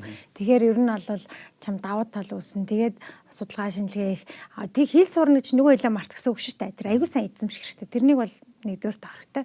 Хоёрдугаарт амьдралын одоо чадваруудыг сурах хэрэгтэй хоол хийж сурах хэрэгтэй. Ингээд нэг ингээ хэлэхээр нэг юу гэсэн үг эмхтэй хүн заавал хоол гэсэн биш. Хоол хийж сурах хэрэгтэй. Өөрийгөө авч явж сурах хэрэгтэй. Энэ одоо нэг ээж нарынхаа өглөөд байгаа юмыг сур. Тэр чи яг амьдрал тэрэг болдог. Нэрийгээсээ дасгал хийдэг те. Ингээд энэ юмнууд дээр ингээд ээж нар чинь хэлж байгаа ямиг үнэхээр өөртөө тусгаж аваад хийж хэрэгтэй. Тэгэхээр хувцаа цэвэрхэн угаажиндүүдэд өмсчдөг. Хоол эвтэйхэн хийгээд идчихдэг тий тэгээд дээрэс нь өөрийгөө ингээд эрүүл байлгаж чаддаг энэ юмыг бол ингээд аль болох сурах хэрэгтэй. Энэ аль болох багасаа тий. Аль болох багасаа. Аа тэгээ эн чинь нөгөө яах вэ гэхээр ирээдүйд нэг ингээд нэг юм ямар сони би эмхтэй хүн болохоор тэгээд байгаа юм уу гэдэг байгаа биш. Эрэгтэй хүүхэд ч юм байх хэрэгтэй. Ер нь л энэ гурван юмыг аль эрэгтэй эмхтэй хүүхээгээ сурцсан байхад ирээдүйд эн чинь хэрэг болдог байхгүй. Сайхан хоол хийгээд нэг орой гэр бүлэрээ ад жаргалтай байх нөхцөлийг үүсгэхэд сайн хоол идэг эцэгтэй байна гэдэг бол мундаг байхгүй. Тэгээд хүн цэвэрж байна гэдэг чинь бусдад өөрийгөө шууд хөндлүүлэх нэг боломж. Өөрийгөө хүнд хөндлүүлнэ л гэдэг чинь чиний өөрийгөө өөртөө ихтэй байлгах боломж чинь нэг нь. Тэр чинь нэг ялалт байхгүй Тэгээд хүнд хүлэн зөвшөөрөхдөд эхлэхэд хүндлүүлээд эхлэхээр илүү боломжууд энд эндээс төрж гарч ирдэг тий. Тий аа. Нэрээ найзаа ингэсэн байл шүү гэж чамд нэг боломж хэлнэ өстэй тий. Тий шүү яг тий. Ер нь л ингээд э, хүн хүнийг хүндлээд өөрөө буцаад нөгөө хүнээ хүндлэнэ гэдэг чинь тэр хүний хоёрын хооронд харьцаа үүсэхтэй харилцан хүндлэлтэй харьцаа үүснэ гэдэг чинь цаашдаа эн чинь хоорондоо урт хугацааны үерхэл үүсэх боломж үүсэж байгаа гэсэн үг. Аа танаа гэр бүлийг нэх айхтар би гэр бүлээ чи юмруу орохгүй. Гэхдээ танаа нөхөр бол та ч гурван хүүхэдтэй тий. Гурван хүүхэдтэй Монгол ижи энэ чинь гурван хүүхэдтэй нөхөртөөгөө бол оюутан цагийн хайрууд гэж би ойлгож байгаа тий. Тийм батка захирал бас мундаг шүү дээ тий. Хамт адилхан ажил хийдэг тий. Та нөхөртөөгөө харьцах харилцаан дээр одоо чинь дотроо юг айгүйх бодож яадаг вэ? Одоо нэг баримталдаг вэ? Битээр бол ер нь бол оюутан цагийн үерхэлч гэсэн бүр цэцэрлэгээсээ би биенийхээ мэддэг тийм үү. Тэгэхээр битээр эхлээд энийг би бас айгүй олон дүүнэртаа зөвлөдөг. Нөгөө гэр бүл болохоос өмнө эхлээд битээр нөхөрлсөн байхгүй. Найзууд болсон Тэгэхээр би бинийгаа таньдаг болсон. Би биенийхээ юунд ууралдгийг мэддэг болсон, юунд дуртайг мэддэг болсон. Тэгэхээр нөхөрлөн гэдэг чинь тэр хүнээс ойлгодог болно гэсэн үг. Ойлгоно гэдэг чинь хизээ уурлуулахгүй байх уу, хизээ яаж харцах уу гэдгээ ойлгодог болно гэсэн үг байхгүй. Тэгэхээр би одоо дүүнартаач зөвлөдний битгий шууд яарч суу, эхлээд хоёлаа үерх, үерх нь гэдэг чинь учиртай. Тэ Батгайтер чинь одоо 8 жил үерхэд дараа тэгээд дараа нь хүүхдтэй болоод тэгээ гэр бүл болж исэн хүмүүс аахгүй. Тэгэхээр нэгдүгээрт аюу сайн найзууд бол гэдэг би зөвлөдөг. Хоёрдугаар ер нь бол батка миний бүрстэ жинхэнэ жинхэнэ найз. Тэгээд өөр хүмүүс орхиод явсан ч битээр хоёулахнаа хөгшрөөд суухад бэлэн байдаг. Тэгээ битээр ер нь бол бас баримталдаг зарчим юу гэдэг хэрэг хинч байхгүйсэн хоёлаа уулын мухарт би бинээсээ уйдахгүй байх нь чухал юм байна гэдэг. Тэгэхээр битээр аюух ярилцдаг байхгүй. Тэгээ маш нээлттэй би өөртөө тулгамдаад байгаа асуудлаа маш нээлттэй хэлдэг подкаст. Чи надад ийм мэдрэмж төрүүлээд байна. Чи ингэж хэлж байгаа байх подкаст. Гэхдээ надад төрүүлж байгаа мэдрэмж чи энэ байна. Гэ би тэр оюух нээлттэй ярилцдаг. Аа тэгээд харилцан бие биенийхээ одоо нэг орон зай талтахгүй байх хичээдэг. Одоо Батгагийн орон зай руу би орохгүй байхыг хичээдэг. Тэр хүн өөрийн гэсэн үзэл бодолтой орон зайтай хүн. Тэр орон зайг нь би хүндлэх хэрэгтэй. Жишээлбэл одоо хүмүүс ингээд танаа нөхөр чинь юу гэдэг нь Twitter мөтер дээр ингэж тийм юм дээр ингэж гэдэг маш их хэлдэг л дээ надад. Аа тэгээд тэр хүний оюун санаа тэр хүний тэр чи үзэл баримтал штэ. Тэгэхээр би одоо нөхөрлөгөө очиод чи битгийдэг гэж хэлэх бол тэр хүний орон зайруу нь халдж байгаа байхгүй. Тэгэхээр би тэрнийг бол байж болохгүй гэж боддог. А дээрэс нь найз нөхдөдөө орж гараад явж байхад нь чинь чи одоо гэр орондоо ирээ гэдэг ах чинь тэр хүний орон зайруу бас халдж байгаа гэж бодож байгаа. Тэгэхээр тэр орон зайгаа харилцан бие биендээ хүндэтгэлтэй байх хэрэгтэй болов гэж боддог. Ямар орон зай байх уу гэдгээ бас зөвшөлтгөө. Орой болгон гараа эхлээд найз нөхөд болно гэхээр чинь ойлголцолтой ер нь хүрнэ л гэсэн үг. Тэгэхээр би бол залуу гэр бүлүүдэд юу гэж хэлэх үү гэхээр амьдралаа төлөвлөхөөс өмнө эхлээд бие биентэйгээ маш сайн танилцсан бие бинийгаа юунд дуртайг олго, юунд дургууг олго. Тэгснийхаа дараа гэр бүлээ төлөвлөөл гэж зөвлөнө. Аа нөгөөтэйгүр болохоор би бас эрэгтэй хүн эрэгтэй хүн шиг э, эмэгтэй хүн найлын эмэгтэй хүн шиг байх хэвээр тэр одоо бидний өв уламжилж ирсэн тэр соёл бол дорны соёл бол бас маш агуу тэр ийг бол ойлгох хэрэгтэй. Би гадаа гараад ажиллаа ихтэй би хинч байж болно. Гэртээ орж ирээд би бол тэр айлын эзэгтэй тэр айлын ээж тэр хүний ихнэр гэдгийг аюулсан боддог. Тэр харилцаагаа би маш хүндэтгдэг. Одоо Монгол эмэгтэй хүн гэдэг. Хатан ухаан энэ төр гэдэг үгнүүд яваад байгаа шүү дээ. Гэхдээ ингээд нэг бодлын жоох юу ч юм шиг зүгээр бас нэг юм дорнын энэ төр гэдэг үг үг ингээд залуучуудыг жоох айлгад шүү дээ. Нэг юм хитрхи. Идрэл айгаад байгаа юм байна да тэр үгнээс. Мэдгүй нэг юм дорнын соёл энэ төр гэдэг үг надад бол нэг юм жоохон ингээд хол хитрхи хол юм шиг те санагдаад байдаг л та. Тэгтээ энийг яг хэрэгжүүлээд ингээд амьдрал дээр хэрэгжүүлээд явна гэдэг чинь өөр хэрэгтэй. Тэгвэл яг үнэхээр одоо энэ дорных дорны энэ сэтгэлгээг тээсэн Монгол эмэгтэй хүн жишээ нь одоо 10 хэдэн юм юм энтергэл байдаг л та тий. Тэр шиг танихаар бол маш цөөн үгээр ярил. Гэхдээ ер нь Монгол эмэгтэй хүн чинь ер нь гол ялгарл юу нь энэ штэ. Одоо баримталж байгаа философи гол юм нь энэ штэ гэдэг ингээд баацх юм. Монгол эмэгтэй хүмүүс ингээд үнэхээр супер бүх юмыг амжуулдаг хатмуу тамаатан садан бүгднийг авч яваа. Бүгдийг намжуулдаг, бүгдийг авч явдаг. Тэр бол яг Монгол эмэгтэйний чадвар байхгүй юу? Тэрнийгээ би бол яг хүлэмж шүрч хэвээр гэж бодож байна. Гэхдээ тэглээгээд энэ ирчүүд нь бас хитрхий давраал бүх юм амжуулах гадаж болохгүй шүү дээ. Аа нөгөө талдаа болохоор үнэхээр ингээд нөгөө бас юм ах цахаа мэддэг Тэ аав ээжтэй аав ээжтэйгээ аим ойрхон байдаг гэр бүлийн тэр нэг гэр бүлийн соёл биш тэ ингээл гэр бүлэрээ бүгдээрээ цугтаа байдаг. Тэр юм чинь бас сайхан штэ. Бүгд хин чинийгаач хаяхгүй тэ хизээч хинч турж өгөхгүй Монголд. Нэг хамаатан садан болохгүй бол тэр хамаатан садандаа сайхан тусалчихна. Эн чинь бол бидний соёл ахгүй бидний амьдралын хэв маяг Тэгээд түрүүн хилээд нүүдэлчин соёлынхаа юугаар ингээд нөхөр нь гараад малаа хөөгөөд бүх юм малаа хийгээ явж хахад бүх арийнхын юмыг зохицуулдаг байхгүй. Тэрнийг бол би барих хэрэгтэй гэж боддог. Би одоо үнэхээр одоо ажилтай байсан ч гэрээ янзлах үедээ янзлна хоолоо хийн. Хоолоо хий гэрээ цэвэрлэх. Гэхдээ яг хаа эн чинь ингээд хүн гэр бүлдээ орчин бүрдүүлэхийг ээжл хийн. Аа гэж боддог байхгүй би мэдээж аав туслах хэрэгтэй тэрэнд. Гэхдээ гэр бүлийн орчин бүрдүүлэх сэтгэлгээ санаачлах чинь ер нь ээжээс гарах гараад ээжээс бий болох тусмаа илүү одоо байдаг санагддаг тийм гоё байх боломж байдаг те тэгэхээр тэр утгаараа ингээд нөгөө гэр бүлээ нэгтгэдэг тэр зөөлөн уян чанар чинь тэр ээжэд байгаа штэ а эрэгтэй хүмүүс чинь юм жоохон бүдүүн барагдууч мүгээд ингээд гэж ярих яриг ивэл те одоо бас хүнийг тэгж хитрхи бүлэгчилж болохгүй л бах л та. Тэр утгаараа ер нь л ингээд бас гэр бүлийнхаа алуун дулаан байдлыг бий болгодог учраас тэрнийгэ бодож явах хэрэгтэй. Бас хитрхи тэнцүү байх га тэмцэлтэй байвал эн чинь тэмцэл дундаа сайхан юм гарч ирэхгүй. Ойлголцох хэрэгтэй болохгүй байгаа юм аа нөхөртөөгөө аюусаа ярилцах хэрэгтэй. Би бол ерөөсөө айхгүй ярддаг надад энэ таалагдахгүй байна. Надад ийм мэдрэмж төрүүлж гэн хойлоо ингэхгүй гэд тэгдэг. Аа надад тухгүй санагдуулж гэн. гэдэг а бас нөө чи тэгж хэллээ гэж хэлж болохгүй. Тэр чинь нөгөө тэр хүн өөр хэлснээ өөрөөр бодож хэлсэн байж магадгүй. Нөгөө монголчууд нэг янзаар яриад нэг янзаар буудаг штэ. Тэгэхээр надад ямар мэдрэмж төрөө гэдгийг аюу сайн хэлэх хэрэгтэй болоо гэж боддог л доо. Чи тэглээ инглээгээд ах биш. Надад төрж байгаа сэтгэл маань энэ байна шүү. Тэгээд чи өөрөө үгээ ингэ бодорой гэдэг тий. Аа тэгээд аа яг тэгж ярих хэрэгтэй байхгүй юу? Маш сайн уучлалт гуйх хэрэгтэй. А би эмхтэй юм чинь надаас уучлах гуйх хэрэгтэй гэж би бол хизэж боддгоо би ер нь юу гэж харддаг вөхөр надаас уучлалтгуйлаа гэд би Баткагийн буруу байсан ч миний буруу байсан ч би уучлалтгуйлаа гэд надаас юу унах юм битэрийн амьдралд ирээдүйд хэрэгтэй битэр л ойлголцох нь чухал. Тэ ёстой нөгөө жоохон холоо хараад өнөөдөр би уучлалтгуйлаа гэд битэр л амьдрал юм чинь гэж боддог учраас маш сайн уучлалтгуйж чаддаг байх хэрэгтэй гэж боддог. А дээрэс нь яг манай ээжийн хэлсэн нэг юм байдیں۔ Энийг би их баримтлахыг хичээдэг эр эм хоёр нөгөө яаж ч муудалцсан нэг одоо дээврээсээ битгий гараарэ. Ингээд салж гараад ойлголцохгүй гарах тусам тэр хүмүүсийн хооронд ангал цав их болтгоо.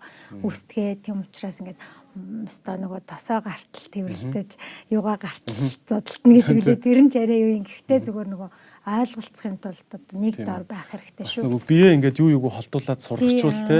Оо явлаа гэж явлаа гэж яваад өгдөг. Тэр ойлголцол нь холдоол. Тийм тэгэл нэг хоног хоол хонно, хоёр хоног хоол хонно гэл ингээл холдох хугацаа нь хурцаад байх тусмаа ойлголцсон багслах л та. Тийм ээ.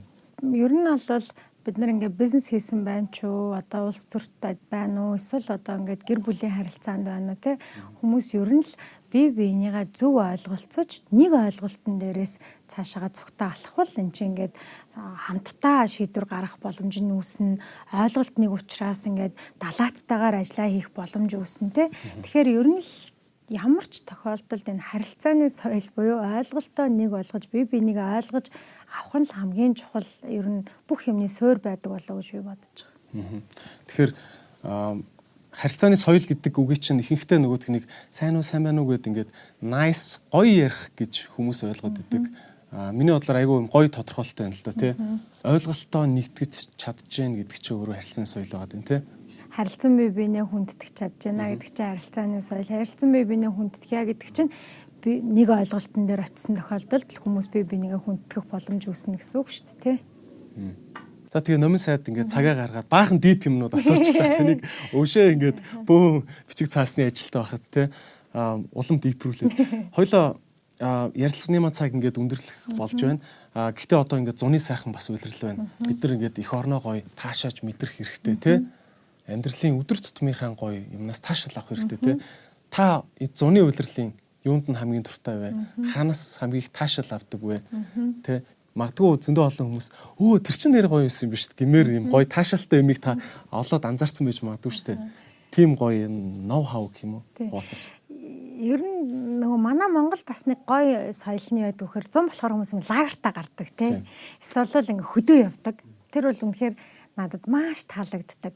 Би одоо 100 цаг жаахан цаг гарвал ингээд лагерт ирээд хүүхдүүдтэйгээ тоглоод хүүхдүүд ингээд нөө нүдэнд харагдаад ингээд тэ тоглоод нөгөө талд нь ингээд өөрсдөө бас найз нөхдөдтэйгээ уулзаад эсвэл ингээд хүүхдүүдтэйгээ цухтаа нэлээд юм спорт хийдэг штеп хөлбөм бөмбөг тоглолт юм уу тэр их айгу миний хувьд бол их зугаатай мөч байдаг. Тэгээ тэрнийг хийхийг сонирхолтой. Аа зөв би яг өнгөрсөн жилээс нэг шинэ хоббитой болсон л доо. Тэр нь болохоор ингээ ер нь ингээд нэг хүн өөрийнхөө би махбодын лимитийг бас ингэ жоохон шахаж явах хэрэгтэй юм шиг байна. Тэгээ би ер нь хаа өрөх нөө яг оюун санааны хувьд бол ингээд мэдээж ажил мэллаараа шахуулж би махбодын хувьд ер нь би хаа өрөх нөө гэдгээ маш сайн сорж үзэж явах хэрэгтэй юм шиг байна. Тэгээд бодож чинь өнгөрсөн жил бол загсанд явж үтсэн. Тийм хөв хүүтэн усан дотор ингээд усны гуталтай хит зогсоод тэгээд тэр загсыг бартал ингээд зогсно гэдэг бол бас их өөр мэдрэмж юм байлаа. Тэгэхээр ингээд нөө өөрийнхөө хийж үзээгүй дадал болоогүй шин юмыг хийж үзэж тэр өөрөө өөрийгөө сорж үзэх чинь дахиад нэг юм чамайг сайн болгоно. Тэрнийг сайн болгох тусмаа чи өөрөө өөртөө итгэл итгэл чинь илүү болно. Дахиад тэр чинь ирээдүйд нэг өдөр амьдрал чинь эрг болно ч гэдэг юм. Ингээд тэр утгаараа би юм шин шин төрлийн юмыг 100 нэг ялангуяа гадаа байхдаа хийж сурах нь их зүгээр байх гэж боддог. Шин дадлын шин зун шин дадлын. Тийм шин зун шин дадлын. Тэгэхээр наач аюу гой ойлголт шүү те. Хүн ихвчлэн ингээд нөгөө миний сорилт бол энэ энэ бол сорилт гэл энэ тэр нь ихэнхдээ оюуны сорилт байж таардаг. Тэг яг нөгөө бие бас сорихгүйгээр орхиод хөгжүүлэхгүй байна шүү дээ. Тэгэхээр тэрнийг яг тийж үзмээр санагдсан. Тэгээд зунны нэг гоё юм ингээл нэг хүүхдүүд тойр зогсож байгаа л ингээл нөгөө болвол молвол тоглоол яг тиймэрхүү юмд л их цаг өнгөрүүлж аль болох одоо их та тий 100 тэгээд их гоё юм юу гэхээр өглөө ингээл бараг 5 гээл үр цачиж байгаа байхгүй. Тэгэхээр би бол одоо нөгөө лагер дээр байж байгаа хичээлхүү би 5:30 гэж босоод сайхан усанд ороод 6 хагас гэл гараад ажил дээр 7 өгт очиж байгаа юм чинь. Тэгэл эрт ихлээл аль болох эрт дуусах юм бол орой ирээд урт өдөр уртаага учраас орой ирээд хүүхдүүдтэйгээ хүртэл өнгөрүүлэх цаг их байдаг. Тэгэхээр энэ гэгээ эрт орж байгааг бас ашиглаж нөгөө нэг өдөрт хоёр өдөр шиг амьдрах гэж бас хичээж байгаа. Хамгийн маач. Хамгийн маач гэл. Тэгээ тиймэрхүү байгаа. Чи өглөө ундах дуртай хүн бол наач өстой явахгүй зөвлөгөө. Тэгээ яг тийм ингээд нөгөө нэг яг Улирлаа бас үзүүл бас их сонин. Тэгэхээр чинь бас нэг л өөрийгөө сорж байгаа нэг юу шүү дээ. Танаа засгийн газар ч угаасаа бүгдээрээ эрт угаасаа хөөж усгаад ажлаа хийцгээ гэдэг засгийн газар юм биш үү те. Манай ерөнхий сайд бас аягүй эртэж. Тэгээд тий ер нь бол өглөөний юу лээ би танаа яаман дээр нэг яасан шүү дээ нэг. Өглөөний уулзалтууд. Тэр нэг уулзалт нэр чинь нэг очсон шүү дээ те. Хідэн цагийн уулзалт байгаа юм бэ. Өглөө 6:30-аас уулз. Би бүр анх тэр зараа хараа итгэв шин. Тэгээд мессеж өчөөд энэ яг цаг нь зөв үү гэсэн чи. Тий өглөө 6:30 уулз. За тэгснэ ингэж аахгүй. 6:30 уулзалт. Тэгтээ цагийн өмнө ирээд PCR шинжилгээнд ороод яагаад яагаад бэлэн байгаарэ гэлөө те. Тавд очих юм байна шүү дээ. Тэгээд нарыг тэгж ашиглах бол их зүгээр л те. Тэдний эрт эхэлчихээр айгүй сайхан юм дуусчихна. Тэгээ орой ингээд 5 6-гийн үед чинь аягүй сайхан болоод тэгээ хэрвээ ажил мэжлээ зөв цагтаа тарж чадвал яг мэдээж төрийн ажиллаж байгаа урт явд юм. Гэхдээ зөв ингээд арайд эрт тарж чадвал найз нөхдөйгөө нэг хоёр цаг уулзч болно. Тэгээ орой ирэхэд дахиад хүүхдүүдтэйгээ цаг өнгөрөх завтаа болцсон ч байд юм уу? Гадаа тоглох завтаа болцсон байгаа хгүй. Тэгэхээр энэ зуны цаг угаасаа Монгол зун богинохон. Тэгээ нөгөө богинохын юм чи нэг урт болгох арга болоод эрт тусч тэр урт нарын цагийг л ашиглах байгаа даа. Тийм ээ. Тийм ээ. За тэгээд ярьсан маань энэ үрээд өндөрлж байна. Тэгээд номын сайдд ажлын амжилт хүсье. Тэгээд одоо ингээд бүхэл бүтэн салбараа ингээд төлөөлөөд гадагшаач салбараа зарна, дотооддооч зарна тий. Тэгээд танд микрофоны сүүлийн минутыг үлдээ ёстой салбараа нэг нэг сайхан зараач те. Одоо уран бүтээлчдийгээ те. Тий яг ер нь манай одоо соёл урлагийн салбарын бол үнэхээр юм өөр сэтгэхүйтэй яг ингээд нөгөө нөхцөл байдал Монгол улсынхаа байгаа газраас тэгээд юм нөгөө нүүдлийн соёл иргэншилгээд байгаа юмнаас бол шал өөр сэтгэхүйтэй тэгэхээр үнэхээр онцгой садан сэтгэдэг хүмүүс байгаа. Тэгэхээр энэ хүмүүсээ ста нэрэ жоохон ч болов дэмжээд өөрөө өөрийнхөө чадлаар дэмжээд энэ хүмүүсийг зөвхөн юу гэдэг тайзан дээр гараад биднийг баясгадаг гэж бодохгүй. Энэ хүмүүс ч юм бас энэ нийгэмд маш том хувь нэмэртэй хүмүүс. Дахиад дээрэс нь одоо эдийн засагт маш том хувь нэмэр оруулдаг хүмүүс гэдэг талаас нь хараад тэр талаас нь хийсэн бүтээлүүдийн нөгөө оюуны өмчийн те зохиогч эрхийн хүндлээд тэр талаас нь одоо хэрэгтэй газар нь мөнгө төгрөгөө төлөөд ингээд хэрэглээрээ. Энэ хүмүүс бол үнэхээр одоо бас авьяас бэлгэн бол үнэхээр ундарж байдаг шал өөр мундаг хүмүүс байгаа. Тэгээ бид бүхэн аль болох энэ нийгэмд одоо авяас бэлгээрээ амьдрах боломжтой нийгмийг цогтаа бүтээх хэрэгтэй. За баярлалаа. За баярлалаа. Намайг өдөрж оролцуулсанд баярлалаа. Би эдрийг маш удаан ярьдаг гэж дандаа боддог байсан чи бид нэр удаа ярьд юм уу хэрэгтэй юм урт болд юм байна хэрэгтэй юм буу халыг гэдэг нэвтрүүлэг тэгээд хэрэгтэй юм чи угаасаа л ялчгүй уддаг байхгүй тийм байна тэгээд ста мундаг за баярлалаа за баярлалаа